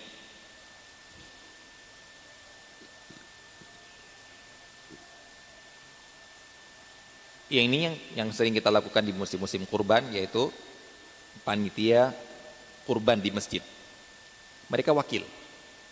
Kambing bukan punya mereka, sapi bukan punya mereka. Mereka adalah diwakilkan oleh yang punya kambing ataupun yang punya sapi. Dan ini ada syariatnya dalam kita berarti itu sah. Contoh lain Rasulullah SAW pernah mewakilkan seorang sahabat Urwah al-Bariqi untuk membeli kambing ini uang satu dinar, beli kambing. Yang mana pada saat itu harga sewajarnya kambing itu satu ekor kambing satu dinar. Tapi karena pinternya Arwah Al-Bariqi dalam masalah perdagangan, dia tahu di mana tempat kulaan yang murah, akhirnya dia bisa mendapatkan satu ekor, satu ekor kambing dengan dua dinar. Kemudian yang satunya dijual, dapat satu dinar lagi, sehingga dia datang kepada Rasulullah, uang satu dinar masih bisa utuh, kambing dapat satu. Maka Rasulullah SAW pun mengatakan, mendoakan barakallahu laka fi safqati yaminik. Semoga Allah SWT memberkati kamu dalam usaha transaksi yang kamu lakukan. Maka kata beliau, saya setiap berdagang pasti untung karena doa Rasulullah Sallallahu Alaihi Wasallam. Nah, ini adalah hukum uh, perwakilan. Jadi dia uh, boleh sunnah itu karena ada membantu orang di dalamnya. Nah, kemudian kita katakan akad perwakilan dapat dilakukan dengan ucapan, tulisan, atau perbuatan yang menunjukkan tujuannya adalah perwakilan. Di sini kita kembalikan lagi kepada adat bahwasanya tidak ada lafal khusus di dalam syariat untuk perwakilan. Selama ucapan itu sudah menunjukkan perwakilan, sudah itu perwakilan. Ingat ya, selama ucapan itu sudah orang semua paham. Tidak ada satu orang pun yang ragu bahwasanya itulah bentuk perwakilan, maka itulah perwakilan. Begitu juga dengan tulisan. Saya wakilkan kalau kita sekarang surat kuasa, itulah perwakilan. Saya kuasanya. Berarti semua ucapan saya ini adalah mewakili klien saya. Padahal tidak pernah kita dengar, tapi ada surat kuasa. Nah. Jadi sebenarnya tidak ada lafal khusus. Hanya dengan tekan, kamu yang nikahkan ya, kamu wakilkan saya ya, ya selesai sudah. Tapi biasanya di tempat kita kan untuk menerima perwakilan, untuk menjadi pewakil itu terkadang bacanya panjang sekali. Saya Fulan bin Fulan mewakilkan kepada Fulan bin Fulan untuk menjanikahkan anak saya Fulanah binti Fulan kepada saya terima saya sebagai panjang. Sehingga ketika akad biasanya harus baca dulu. Sebenarnya kan semua orang tahu Pak penghulu wakil saya sudah saya wakilkan ke dia ya. Terima nggak? Terima selesai sudah itu. Jadi ucapan dia saya nikahkan uh, fulanah binti fulan dengan si fulan itu sudah selesai sudah tidak harus saya nikahkan fulanah binti fulan saya sebagai perpanjang saya sebagai wakil dari orang tuanya makanya terkadang orang harus baca. Nah, jadi mudah sebenarnya yaitu karena tidak ada lafal khusus untuk wakil harus gini. Perwakilan harus bacanya ini. Untuk jual beli harus bacanya ini. Untuk akad syarikah harus bacanya ini. Untuk akad ijarah harus bacanya ini tidak ada bahkan kata beliau perbuatan pun Selama itu bisa ditunjuk, eh, dipahami bahwasanya itu menunjukkan dibolehkan mewakili. Ini isyarat, perbuatan. Itu menunjukkan persetujuan, selesai sudah. Makanya jual beli kita sekarang ini kan bisa kita katakan nggak ada lagi yang ucapan. Anda ke supermarket tuh nggak ada ucapannya. Tin tin tin tin tin 200 Pak. 200. Mana? Adakah dia mengatakan, saya jual, saya beli, saya jual, saya beli, saya jual. Beli odol Pak ya? Ya. Harga harganya 7 ribu ya? Ya. Nah itu marah orang di belakang itu yang lagi ngantri. Jadi perbuatan, perbuatan apa? Perbuatan dia sudah menerima dari buktinya dia sudah ngitung. Itu sudah perbuatan. Jadi tidak harus dengan ucapan saya jual ataupun saya beli. Semua orang, ini kaidah yang kita bacakan tadi, semua orang yang boleh melakukan suatu hal, maka ia boleh mewakilkan atau mewakili orang dalam hal tersebut. Seperti tadi, yang boleh melakukan jual beli, maka dia pun orang yang boleh untuk mewakilkan dan mewakili. Yang boleh melakukan syarikah, dia yang boleh untuk yang boleh um, akad nikah, dia yang boleh untuk mewakili ataupun mewakilkan. Kecuali, ya, jadi perhatikan Pak, semua kaidah itu ada pengecualiannya. Bukan berarti harus saklek seperti itu, tidak. Kecuali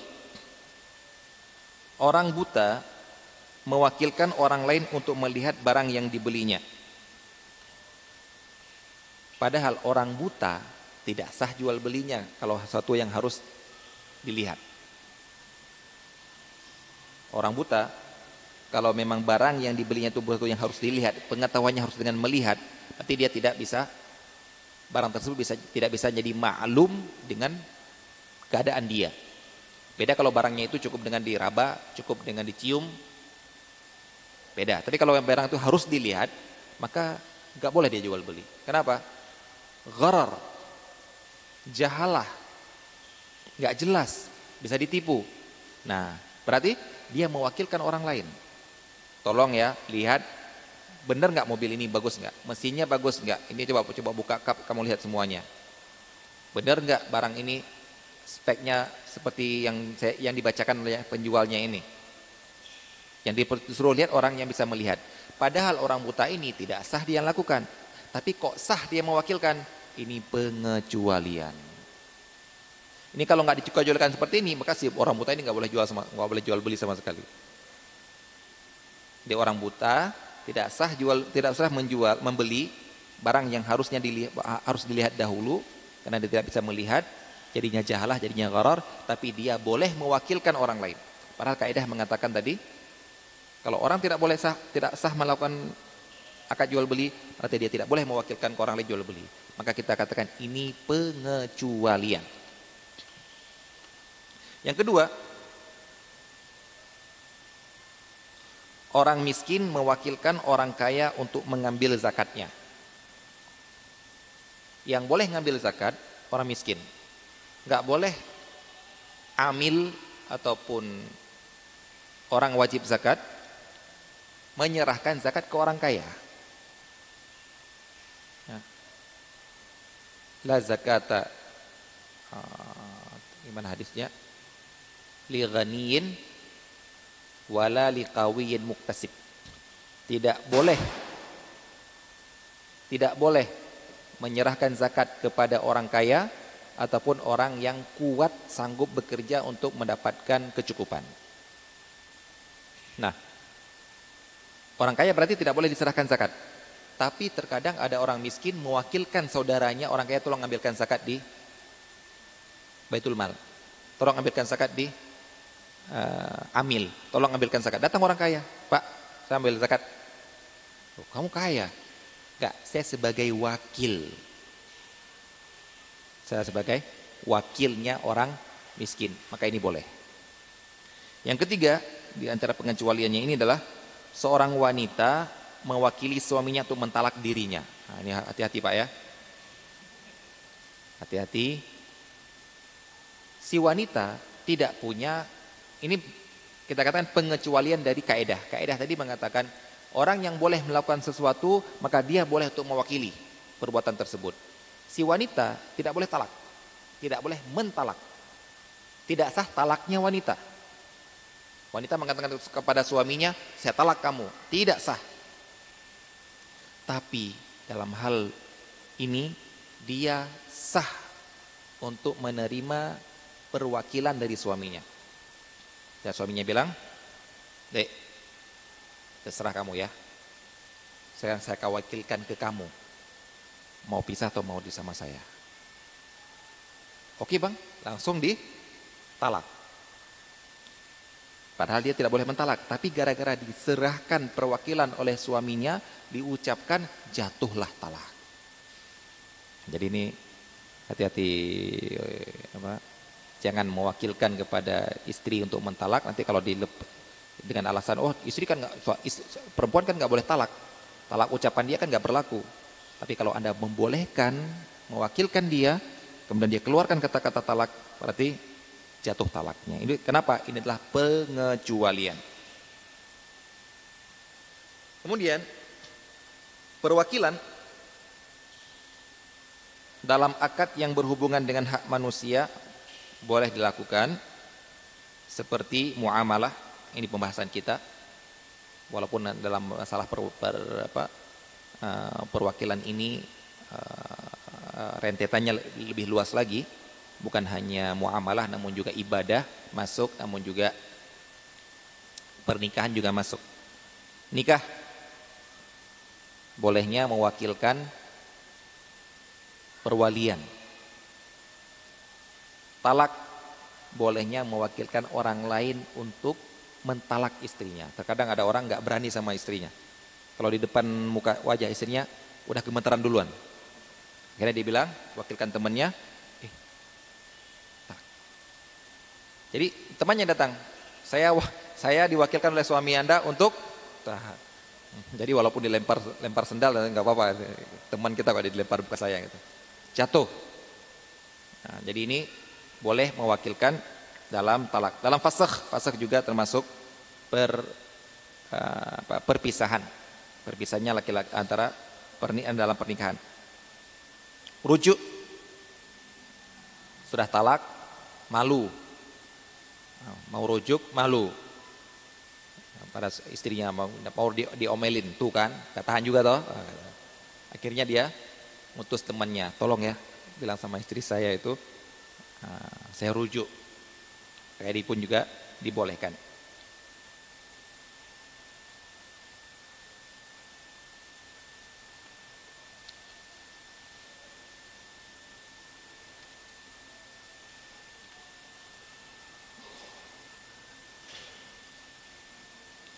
Dalam ibadah contohnya adalah dalam ibadah untuk ibadah kalau tadi kita katakan dalam akad ya dalam akad maka kalau dalam akad luas. Walaupun ada beberapa akad yang tidak boleh untuk perwakilan. Dicontohkan di sini.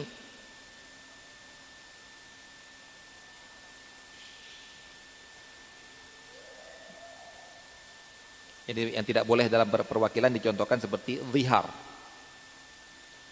Zihar itu ini sebenarnya dalam pembahasan fikih nikah ya.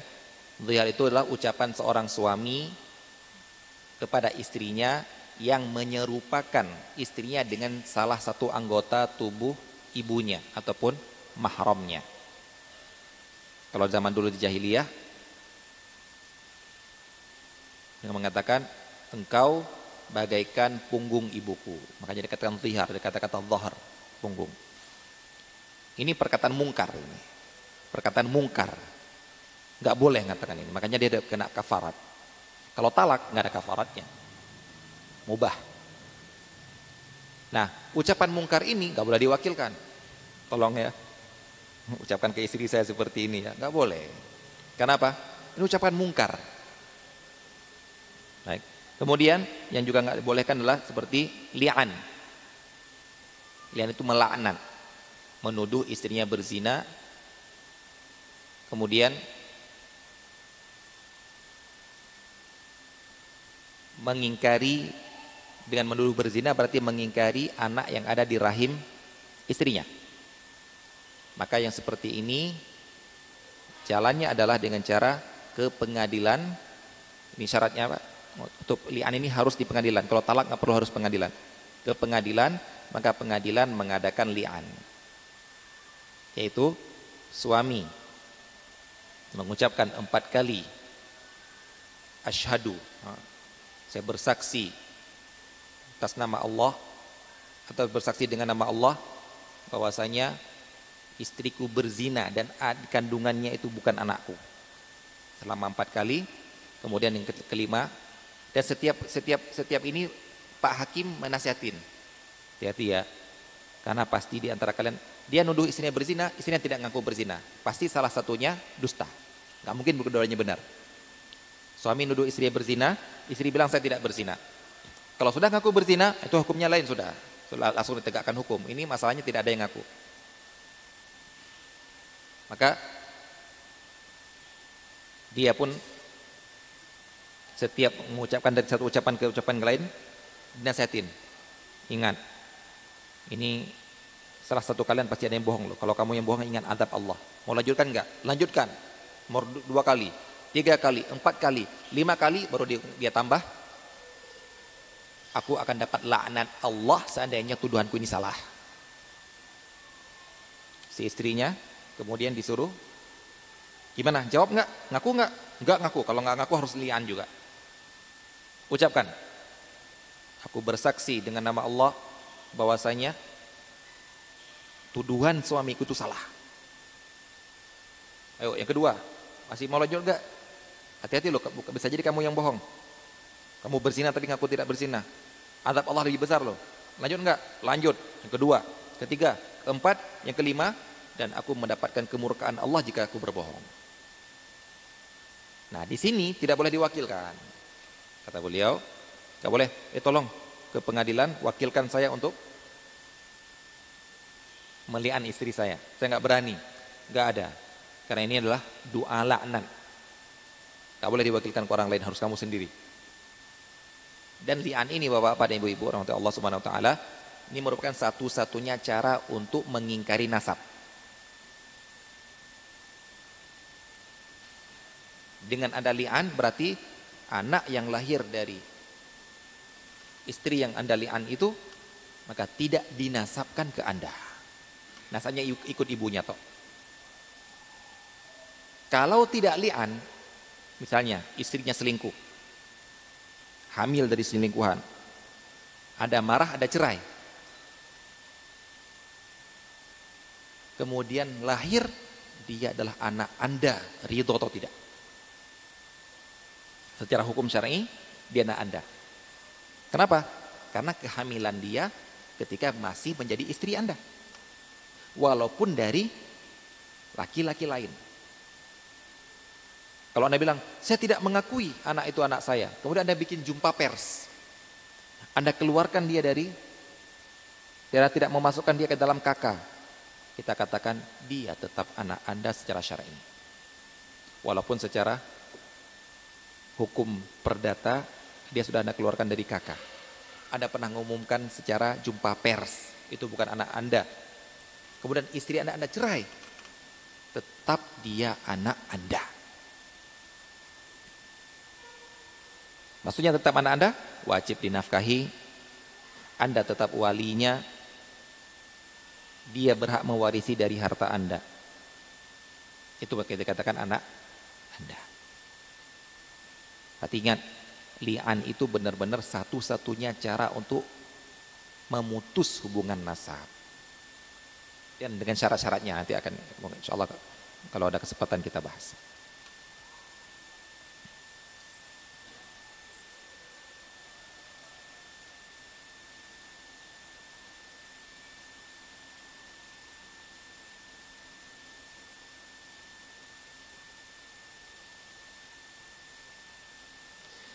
Yang juga tidak dibolehkan diwakilkan adalah kata beliau di sini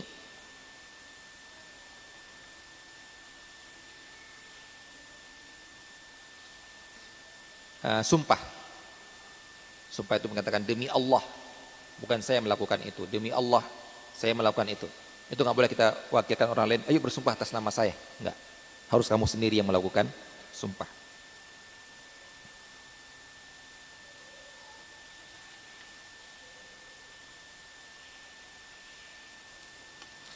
Baik. Dalam ibadah Nah, kita lihat kaedahnya dulu ya. Kaedah dalam ibadah adalah pada asalnya tidak diperbolehkan perwakilan dalam ibadah. Berarti pada asalnya semua ibadah itu dilakukan oleh person masing-masing. Gak boleh kamu tolong wakilkan saya ya pada asalnya. Kecuali, nah, berarti kita lihat pengecualian jika ada dalil yang membolehkannya. Berarti kalau tidak ada dalilnya, kembalikan ke asal. Asalnya harus kamu sendiri yang melakukannya. Betul. Mari kita lihat ibadah murni. Eh, ibadah harta murni. Ya.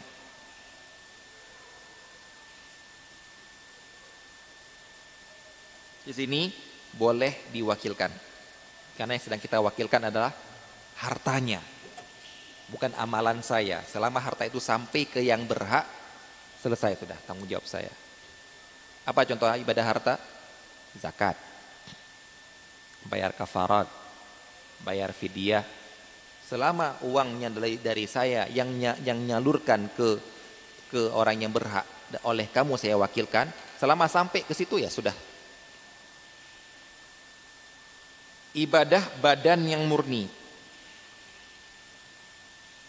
Tidak boleh. Apa contoh ibadah murni? Solat. benar-benar dia tolong sholatkan untuk saya ya. Tolong sholatkan untuk saya, saya nggak sanggup sholat, tolong sholatkan untuk saya. Tidak boleh. Harus dia yang melakukan sholat.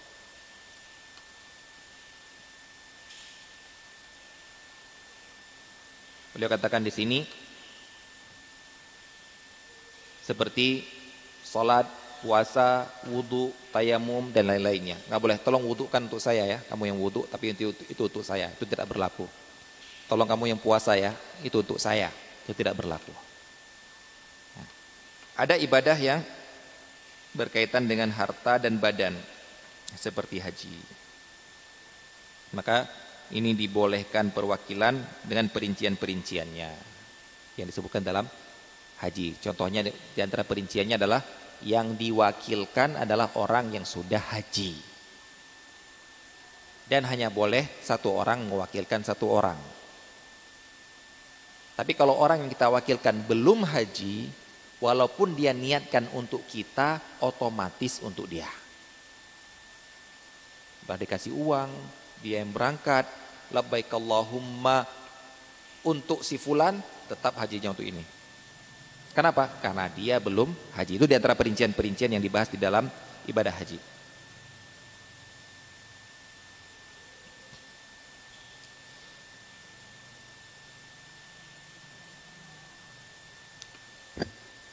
Makanya anak anda pernah mendengar nggak orang yang meninggal kemudian di sholat dikodokkan sholat.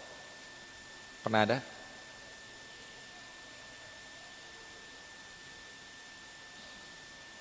Di daerah saya itu masih ada bukan bukan bukan dikodokkan tapi dibayarkan kafarat, dibayarkan fidyah. Padahal yang ada fidyah untuk meninggalkan suatu ibadah itu puasa. Tapi di sana dibayarkan fidyah untuk meninggalkan sholat. Sehingga ketika ada orang meninggal langsung dihitung umurnya 60 60 tahun meninggal. Balik 15 tahun. Berarti umur setelah balik 25 tahun. Selama 25 tahun kira-kira berapa lama dia meninggalkan sholat? Mungkin dia masih nggak nggak sholat umur sampai umur 30 30 tahun. Berarti 15 ke 30 15. 15 15 tahun. 15 tahun ada berapa hari? Kali 5. Seperti seperti itu, Pak. Bahkan ada yang menggantikan sholat. Berarti dia punya kewajiban 2500 sholat. 2500 sholat subuh, 2500 mungkin seperti itu ya. Seribu sholat subuh, seribu sholat zuhur, seribu sholat dibagi kamu sholatkan subuh ya akan sholat itu nggak ada. Ya. kalau untuk puasa ada. Untuk orang yang sudah meninggal bukan orang yang masih hidup. Kalau orang masih hidup tolong sholatkan untuk saya itu nggak ada. Tapi kalau sudah meninggal ada. Hah? diperintahkan sol, uh, bayar apa kodokkan puasa oleh keluarganya. Ataupun dibayarkan fidyah. Makanya dalam hal ini kita kembalikan ke asal. Pada asalnya ibadah itu nggak bisa diwakilkan. Berarti kalau mau tahu ini diwakilkan atau tidak, tanya dalilnya. Nah, seperti sholat itu memang nggak ada perwakilan, nggak ada fidyahnya, nggak ada disolatkan walaupun dia orangnya sudah mati. Kalau puasa ada untuk digantikan oleh orang lain. Contohnya begitu juga dalam hal penegakan hukum bolehnya hakim mewakilkan orang lain untuk menegakkan hukum peradilan. Nah, itu urusan peradilan. Baik. Mari kita lihat konsekuensi orang yang menjadi wakil. Yang kita namakan dengan perpanjangan tangan dari orang yang mewakilkan. Apa konsekuensinya? Di antaranya adalah ia hanya boleh hanya melakukan sebatas apa yang diizinkan. Enggak boleh lebih nggak boleh melebihi wewenang lah kalau kita katakan sekarang ini nggak boleh melebihi wewenang. Saya cuma tugasnya ini, nggak boleh lebih. Saya tugasnya hanya membeli, nggak boleh jual. Saya hanya bertugasnya untuk mencatat, ya nggak boleh yang lain. Saya tugasnya hanya untuk menagih, yang nggak boleh yang lain. Itu dinamakan dengan perpanjangan tangan.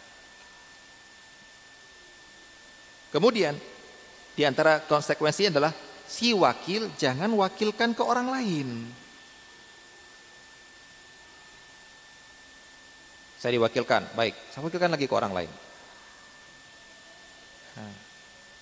Nanti akan kita lihat dalam masalah apa, pinjam misalnya, uang pinjam kita pinjamkan lagi ke orang lain. Beda kalau nyewa, nyewa boleh. Nanti akan kita bedakan antara pemilik manfaat atau hanya berhak memanfaatkan, itu beda nanti. Baik. Perhatikan ini, tidak boleh yang mewakilkan lagi ke orang lain kecuali jika diizinkan. Selesai sudah. Kalau diizinkan memang sebagaimana dia diizinkan untuk melakukan sesuatu diizinkan untuk wakilkan ke orang lain maka nggak apa-apa. Pak nanti saya wakil. Pak nanti kalau saya nyuruh orang lain nggak apa-apa terserah kamu. Sudah selesai tapi kalau memang pada asalnya dia melakukan maka dia harus dia melakukan tidak boleh wakilkan ke orang lain. Yang kedua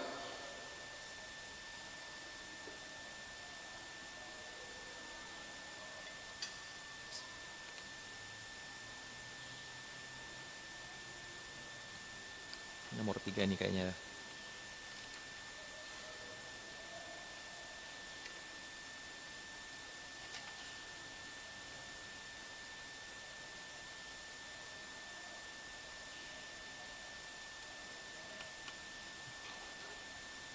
Baik, pekerjaan itu bukanlah suatu yang pantas dilakukan oleh dia. Nah.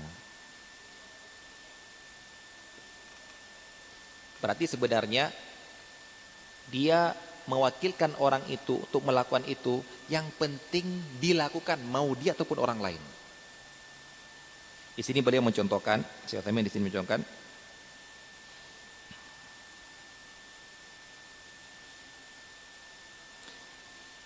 Antum misalnya di rumah punya sapi peliharaan, punya kambing peliharaan. Terus di samping rumah antum orang pejabat yang nggak pernah ngarit, nggak pernah ngasih makan hewan. Terus anda, bilang, Pak, Pak, tolong Pak ya. Bilang, Pak saya mau safar, mendadak. Tolong Pak ya, kambing saya dikasih makan. Kira-kira yang ngasih makan siapa? Dia atau Anda mengharapkan pokoknya dikasih makan mau dia ataupun dia nunjuk orang lain. Nah, kita, maka kita lihat ini sebenarnya perbuatan yang nggak pantas dilakukan secara adat bukan dia yang kerjaan bukan kerjaan dia kok disuruh dia itu maksudnya tolong carikan orang lain untuk nguruskan kambing saya lewat orang ini berarti dia mewakilkan ke orang ini orang ini wakilkan ke orang lain lagi itu dibolehkan yang ketiga pekerjaan itu bukan sesuatu yang Nah, ini tidak bukan tidak ya. Pekerjaan itu suatu yang tidak mampu sebenarnya. Kalau ada bukanlah gitu. Pekerjaan itu bukanlah suatu yang mampu dilakukan oleh dia.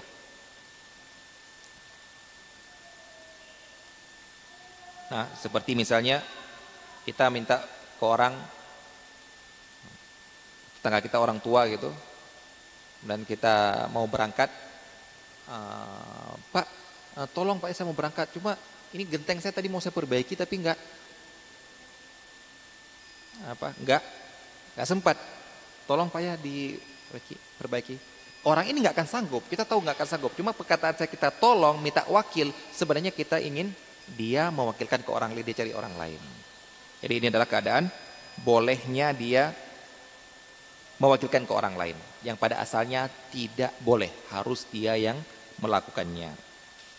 Baik kita adzan dulu nanti habis. Insya insya Allah kita lanjutkan. Sallallahu Nabi Muhammad wa ala Assalamualaikum warahmatullahi wabarakatuh.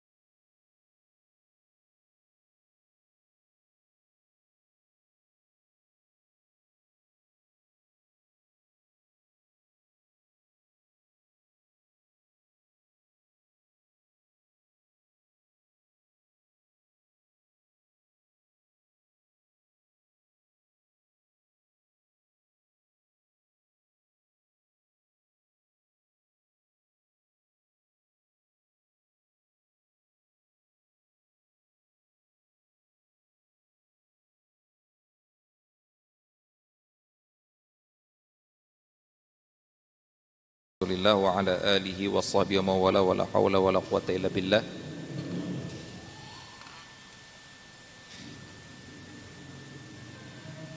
Kita lanjutkan dalam pembahasan akad wakalah. Di antara konsekuensi akad perwakilan adalah akad perwakilan itu adalah akad jaiz.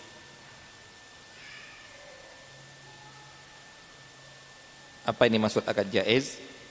Boleh dibatalkan kapan saja oleh salah satu pihak. Orang yang mewakilkan boleh batalkan walaupun dia belum melakukan ataupun sedang melakukan dibatalkan. Begitu juga orang ketika sudah berangkat mau melakukan kemudian dia bilang pak nggak jadi pak saya nggak mau nggak mau melakukannya. Itu juga dibolehkan maka dinamakan akad jais pembatalan bisa dengan ucapan maupun perbuatan seperti tadi akad wakalah akad perwakilan boleh dengan ucapan ataupun dengan perbuatan di sini juga boleh dengan ucapan ataupun dengan perbuatan untuk membatalkannya.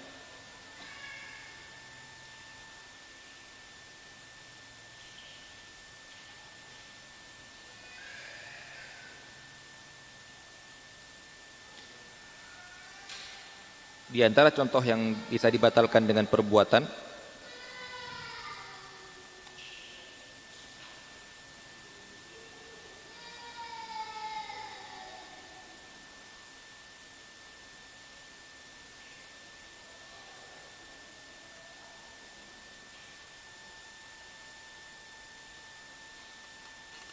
Misalnya dia menyuruh orang untuk menjualkan sesuatu. Sebelum dijual, orang yang nyuruh langsung dia menjual sendiri. Berarti dengan perbuatan dia yang menjual ini, dia telah membatalkan perwakilan yang dia suruh orang lain untuk menjualkan barang itu. Kalau dengan dengan uh, lisan selesai sudah. Gak jadi, jangan jual itu sudah dengan lisan. Kalau dengan perbuatan contohnya seperti ini, jadi perbuatan dia yang menyebabkan orang yang diwakilkan tidak bisa untuk melakukan perwakilan di amalan tersebut.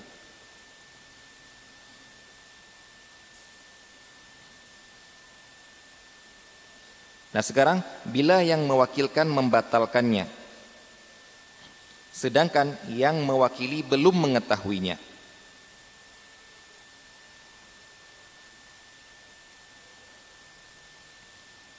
Contoh, orang diutus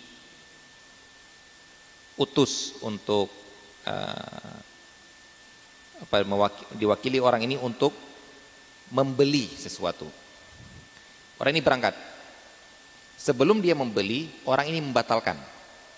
Saya batalkan akad wakalah saya terhadap orang itu. Kok bisa dibatalkan nggak diketahui? Dengan dipersaksikan orang lain.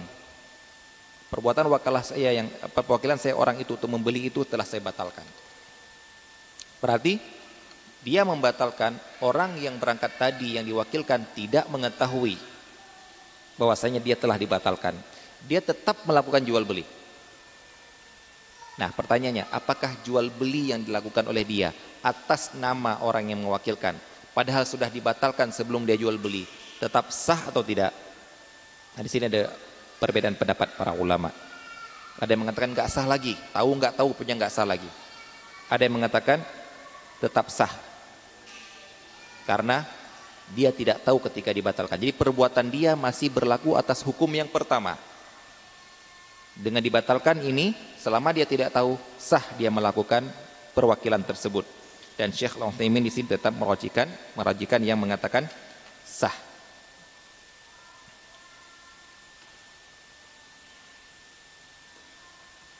Batalnya perwakilan dengan kematian. Mati orang yang meninggal orang yang diwakili, meninggal orang yang mewakilkan, maka tidak berlaku lagi uh, akad apa? Tidak berlaku lagi akad perwakilan. Karena namanya orang yang mewakili itu perpanjangan tangan. Sedangkan yang diperpanjang ini adalah sudah tidak bisa melakukan apa pun maka tidak berlaku lagi perwakilan. Begitu juga jika yang mewakilkan itu adalah berubah e, menjadi gila, maksudnya menjadi orang yang tidak berhak untuk melakukan transaksi.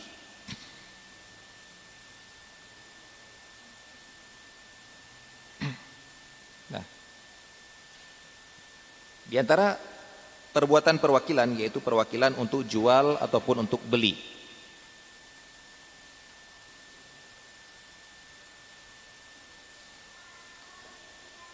Maka perwakilan untuk jual atau beli tidak boleh orang yang mewakili tersebut menjual atau membeli untuk dirinya. Insyaallah Pak. Ya. Perhatikan ini. Kita diwakilkan, kita mewakili seseorang untuk menjualkan. Tidak boleh kita sendiri yang membelinya. Ini pada hukum asalnya, Pak.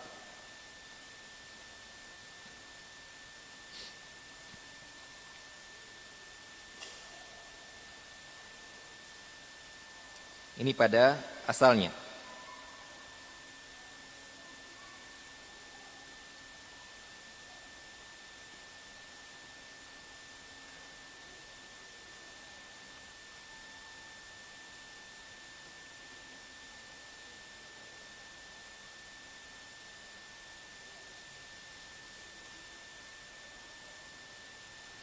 Baik. Kenapa? Pertanyaan kita kenapa ini tidak boleh? Orang diwakilkan kamu tolong jualkan mobil saya. Misalnya saya kan saya punya mobil mau mau, mau dijualkan. Saya orang nggak pinter jual beli mobil. Kamu pinter, Pak. Uh, tolong jualkan mobil saya ya Pak. Nah, maka orang yang diwakilkan ini tidak boleh dia membeli. Kenapa kira-kira? Di sini ada bertabrakannya dua maslahat. Maslahat si penjual, maslahat si pembeli. Si penjual dia ingin terjual dengan harga setinggi-tingginya, pasti. Ya. Kalau saya ingin menjual mobil, saya ingin terjual dengan harga setinggi-tingginya. Kalau saya ingin membeli mobil bekas, saya ingin terjual dengan harga kalau saya pembeli dengan harga serendah-rendahnya. Kalau saya penjual ingin terjual dengan harga setinggi-tingginya. Kalau saya pembeli ingin terjual harga serendah-rendahnya. Ada dua maslahat. Lah sekarang saya diwakilkan untuk menjual yang harusnya saya menjual harga setinggi-tingginya. Malah saya yang beli. Dan namanya orang beli pinginnya harga serendah-rendahnya. Maka dua maslahat ini tidak bisa diakurkan. Maka di sini khawatirnya ada kecurangan. Perbuatan yang tidak mengandung maslahat untuk orang yang mewakilkan. Mending gak usah mau, mending gak mau. Pak, saya gak mau untuk diwakilkan jual, Pak. Saya mau beli, Pak, langsung, Pak. Saya mau beli barang ah, mobil Bapak itu. Berapa? Ya, tawar menawar. Jadi saya di sini bukan bertugas menjualkan, saya langsung bertugas membeli sebagai untuk diri saya sendiri.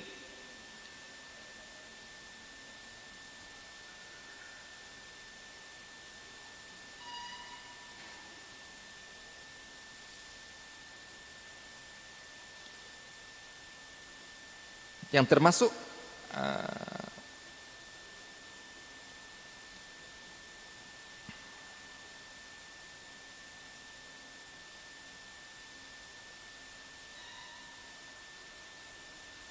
yang termasuk dirinya ini adalah orang-orang lain yang berhubungan dengan dirinya seperti anaknya yaitu yang ada maslahat yang ingin ditujukan kepada seseorang. Dia disuruh jual, dijual ke anaknya.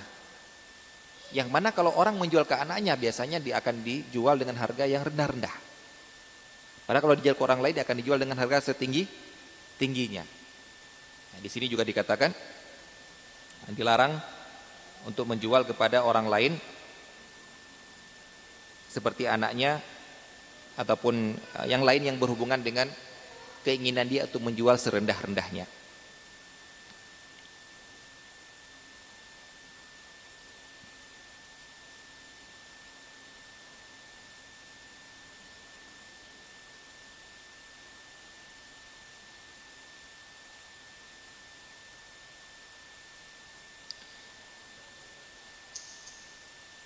kecuali kalau memang dia bisa menjual dengan harga yang eh, sewajarnya untuk kepada anaknya itu. Nah, di sini Syekh Utsaimin kemudian me mengambil jalan tengah bagi orang yang tidak boleh menjual. Dia dia sebagai wakil orang yang menjual kemudian dia kemudian membeli diri sendiri kecuali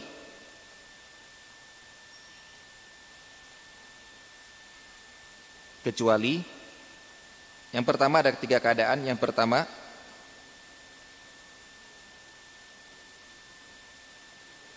pada pelelangan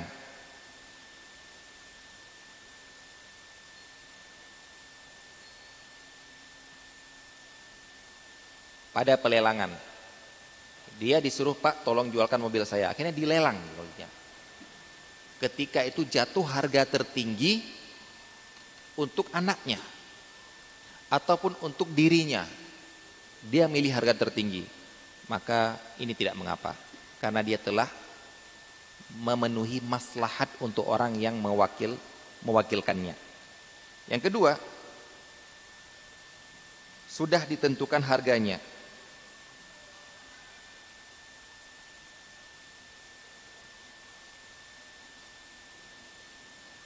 Pak, tolong jual mobil ini 50 juta ya. Maka boleh dia langsung beli 50 juta. Karena dia sudah mengetahui harga dan pingin harga segitu. Beda kalau dia bilang, Pak tolong jualkan harga ini, saya nggak tahu harga apa. Pokoknya Bapak yang lebih paham tentang harga mobil pasaran. Berarti dia harus menjual harga sebaik-baiknya. Yang ketiga,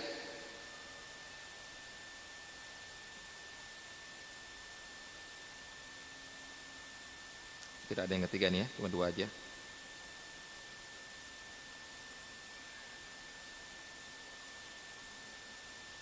Sebenarnya ada satu satu lagi yaitu kalau diizinkan.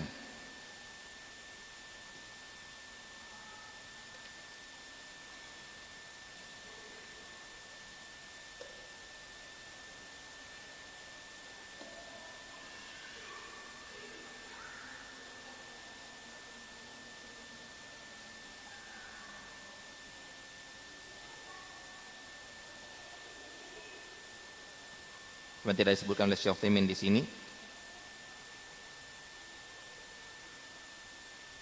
Baik. Cuma bisa kita katakan kalau diizinkan. Kalau diizinkan selesai sudah. Pak, saya yang beli Pak ya dengan harga sekian. Akhirnya memang benar-benar tekar tawar menawar dengan orang itu.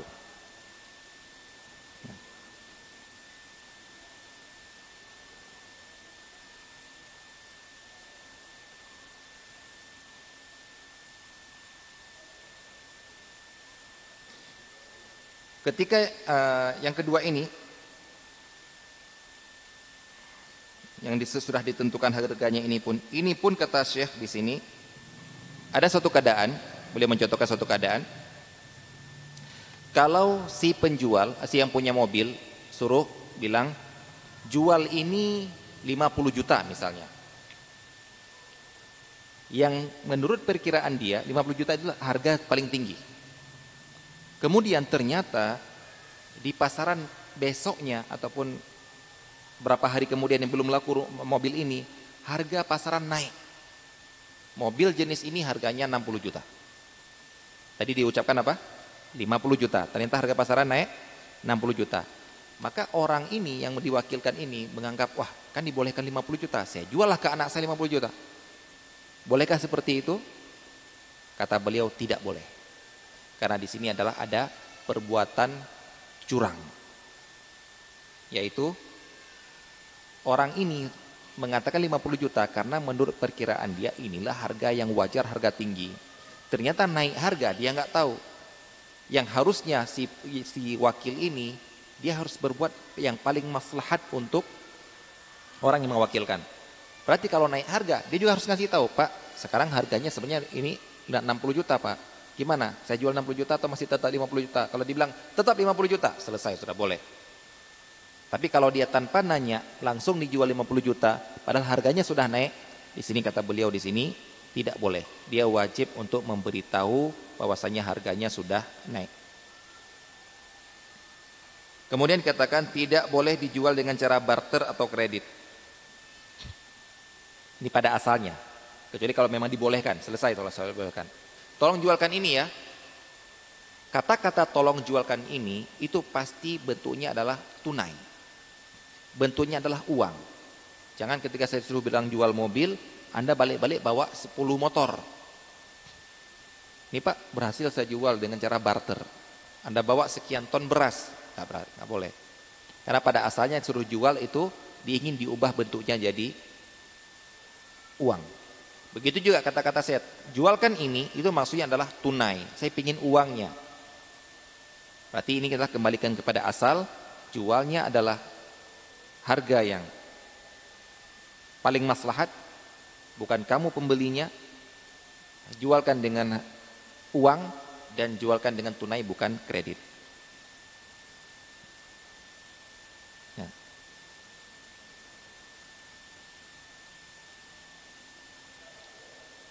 Sekarang kalau penjualannya beda dengan harga pasaran.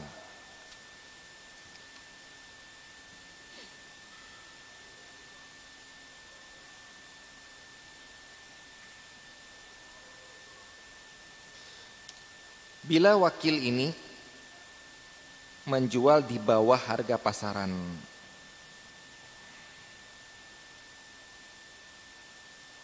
maka ia harus menanggung kekurangannya itu.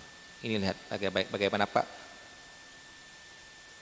sikap seseorang yang memegang amanah orang lain. Ini sebenarnya kalau saya jual harganya 100. Cuma ada orang yang nggak enak kalau saya jual 100. Saya jual akhirnya 80. Berarti 20 harus saya nanggung. Kenapa ini? Kembali ke, ke yang pertama yang tadi itu maslahat. Kalau enggak kita telah khianat. Melakukan sesuatu yang tidak bermaslahat bagi orang yang mengamanahi itu kepada kita. Kecuali bila ia sudah berusaha semaksimal mungkin dan tidak tahu adanya kenaikan harga. Maka di sini dia tidak harus nanggung. Dia sudah dia sudah semaksimal mungkin dia tahu bahwa harga 100, eh setelah terjual ternyata barusan ini atau dua hari yang lalu naik harganya jadi 120. Apakah dia wajib mengganti? Tidak, karena sudah berusaha semaksimal mungkin. Bila wakil menjual di bawah harga yang sudah ditentukan oleh mewakil, oleh yang mewakilkan. Kalau tadi bukan di bawah harga pasaran, sekarang sudah disebutkan harga segini masih dijual di bawah, maka dia harus menanggung kekurangan tersebut. Bila wakil membeli di atas harga pasaran, kalau tadi menjual, kalau sekarang membeli berarti di atas harga pasaran. Maka dia harus menanggung kelebihan harga tersebut. Nggak boleh dia datang, Pak, uangnya kurang, Pak.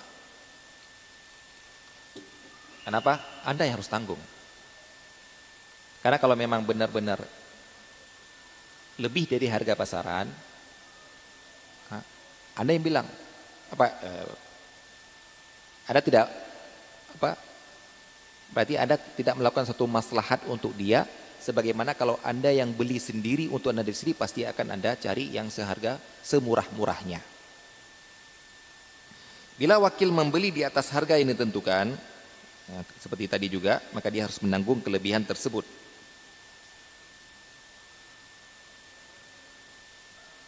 Bila wakil menjual di atas harga pasaran, kalau sekarang menjual di atas harga pasaran. Kalau tadi kurang, berarti sekarang ada lebih untung pasarannya 100 dia berhasil nawar-nawar jadi 120 atau harga yang ditentukan disuruh jual 100 dijual 120 atau menjual kontan padahal disuruh kredit atau membeli secara kredit padahal disuruh kontan. Maka bila tidak ada mudarat bagi si yang mewakilkan sah perbuatan wakil tersebut dan uangnya memang milik si si yang mewakilkan. Gak boleh kemudian ini disuruh jual 100 saya berhasil jual 120 20 untuk saya. Enggak boleh. Ini selama tidak ada yang memudorotkan si yang mewakilkan. Misalnya contohnya dia sengaja suruh jual kredit. Karena menurut dia kalau sekarang saya punya uang kontan banyak, ini banyak begal. Bila lah uang barang ini ter apa istilahnya ter laku nanti cicilannya enak Saya sampai 2 tahun sampai 10 tahun punya uang terus tiap per bulan. Tapi kalau sekarang punya uangnya itu mudarat bagi saya. Tetap dijual kontan, maka ini tidak sah. Karena dia telah melakukan penjualan yang beda dengan yang disuruh. Bila wakil membeli barang yang cacat dan si wakil ini tahu barang itu cacat tapi orang yang mewakilkan dan yang mewakilkan tidak ridho dengan cacat itu, maka wakil yang wajib menanggungnya. Si penjual wajib menerima pengembalian? Enggak wajib. Kenapa? Saya sudah bilang, Pak, ini ada cacat ya. Ada cacat. Iya enggak apa-apa. Kemudian si yang mewakilkan dia enggak ridho dengan cacat itu. Kamu yang nanggung. Jangan kembalikan kepada saya. Karena saya jual kepada kamu sudah ridho kamu nerimanya. Kamu harus tanggung jawab. Tanggung jawab kepada orang yang mewakilkan kamu. Jika wakil tidak tahu bahwa ternyata barang itu cacat, maka ia boleh mengembalikannya ke penjual. Beda kalau nggak tahu. Maka kembalikan kepada khiyar aib, khiyar cacat yang sudah kita lewati. Kemudian yang terakhir, Konsekuensi dari akad perwakilan juga adalah dia adalah amanah. Inilah Pak yang paling mendasar yang membedakan mana perwakilan dan mana jual lepas.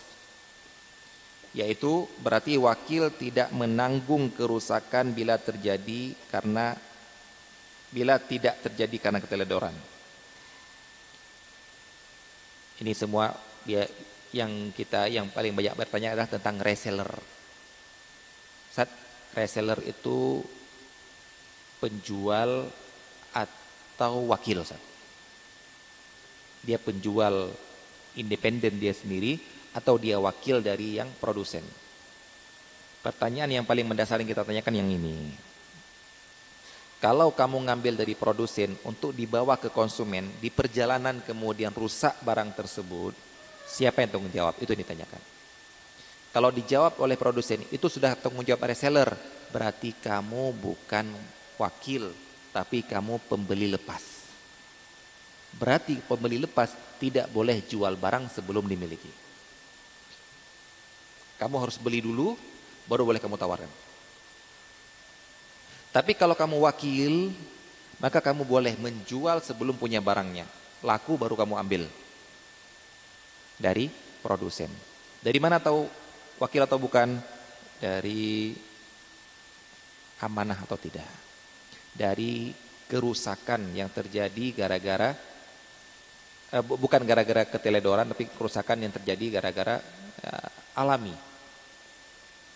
Di sinilah kita bisa membedakan yang mana wakil, yang mana penjual ataupun pembeli lepas. Baik. Demikian yang kita sampaikan ini masalah terakhir yaitu masalah per, uh, perwakilan. Insyaallah akan kita lanjutkan ke depan tentang syarikah. Bentuk kerjasama, bentuk persekutuan perdagangan. Insyaallah akan ada makalah baru yang berhubungan dengan itu.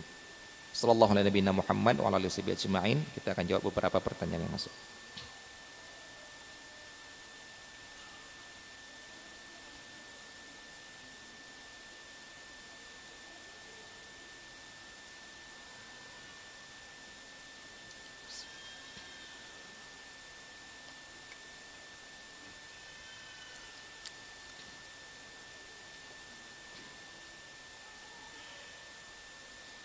Ustaz, Ana mau tanya, bagaimana hukumnya makelar menjual barang dengan menaikkan harga tanpa seizin penjual? Dan apabila transaksi tersebut sudah terjadi dan tidak bisa dibatalkan, apa harus kami lakukan sebagai makelar?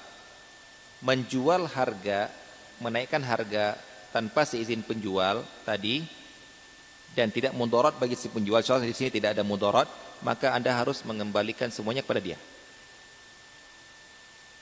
keuntungan tadi harus Anda kembalikan untuk dia. Ingat, kalau tidak ada mutorot. Dari mana bisa mutorot kalau menjual lebih Ustaz? Terkadang. Kenapa sih perusahaan itu mem memasang harga eceran Tertinggi atau terendah? Terkadang orang memasang harga tinggi, tidak boleh jual lebih daripada ini. Kenapa? Khawatir nggak laku. Terkadang harga pasaran ada 100. Saya ngeyel tak jual 150, nggak akan pernah laku. Mudorot kan? Padahal saya ingin dapat uang. Nah, kalau memudorotkan, nggak boleh. Tapi kemudian kalau memang laku dan malah menguntungkan si, pen, si, si pen, uh, yang mewakilkan, maka kembalikan semuanya kepada si wakil ini, si yang mewakilkan. Ini pun saya katakan ini kalau memang dia adalah wakil. Jadi dalam mengatakan makelar. Saya tidak tahu makelar ini penjual lepas ataupun wakil. Kalau wakil kembalikan semua keuntungan kepada dia yang dibilang 100 kemudian jadi, kembalikan menjadi 100 Anda jual 120 kembalikan 110 tapi kalau penjual lepas cuma ada perjanjian nggak boleh jual lebih berarti Anda khianat tapi uang itu memang milik Anda. Tapi Anda telah berkhianat yaitu memudorotkan saudara Anda. Karena Anda telah menaikkan harga yang bisa menyebabkan persaingan barang dia bisa hancur di pasaran. Bedakan ya Pak Ibu ya? Pak ya, saya adalah wakil, berarti kalau apa pun yang saya jual lebih, saya harus kembalikan semuanya. Namun kalau saya bukan wakil pembeli lepas, saya, saya adalah setelah saya beli barang itu menjadi milik saya, nggak bisa saya kembalikan, rusak harus tanggung jawab saya. Cuma diberikan syarat jangan jual lebih daripada harga ini. Saya tetap jual, maka sah jualnya. Cuma saya telah melakukan sesuatu pengkhianatan yaitu membuat orang lain mudarat.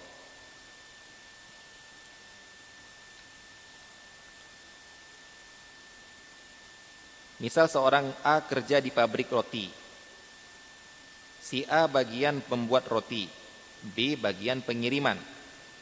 Untuk mendapatkan bonus, si A dan si B harus mencapai bonus per bulan 10 pengiriman. Baik. Setelah di bagian akhir setelah di bagian akhir setelah di bagian akhir bulan si B membuat laporan kalau sudah mencapai 10 pengiriman tetapi ternyata keesokan harinya si B meminta si A membuat satu roti lagi ternyata si B salah catatan stok yang pertama ternyata kurang dan dikirim pada bulan berikutnya secara administrasi sudah tercatat 10 roti tapi ada satu buah roti yang buat buatnya ikut hitungan bulan berikutnya tanpa sepengetahuan perusahaan. Apakah uang bonus tersebut haram untuk diambil Ustaz? Ya. Karena tadi bonus dibilang apa? Kalau tercapai roti sekian. Ternyata roti itu tidak seperti yang disyaratkan. Roti itu baru sembilan. Satu itu di bulan berikutnya. Anda tidak boleh ngambil bonus itu. Karena Anda telah melanggar syarat.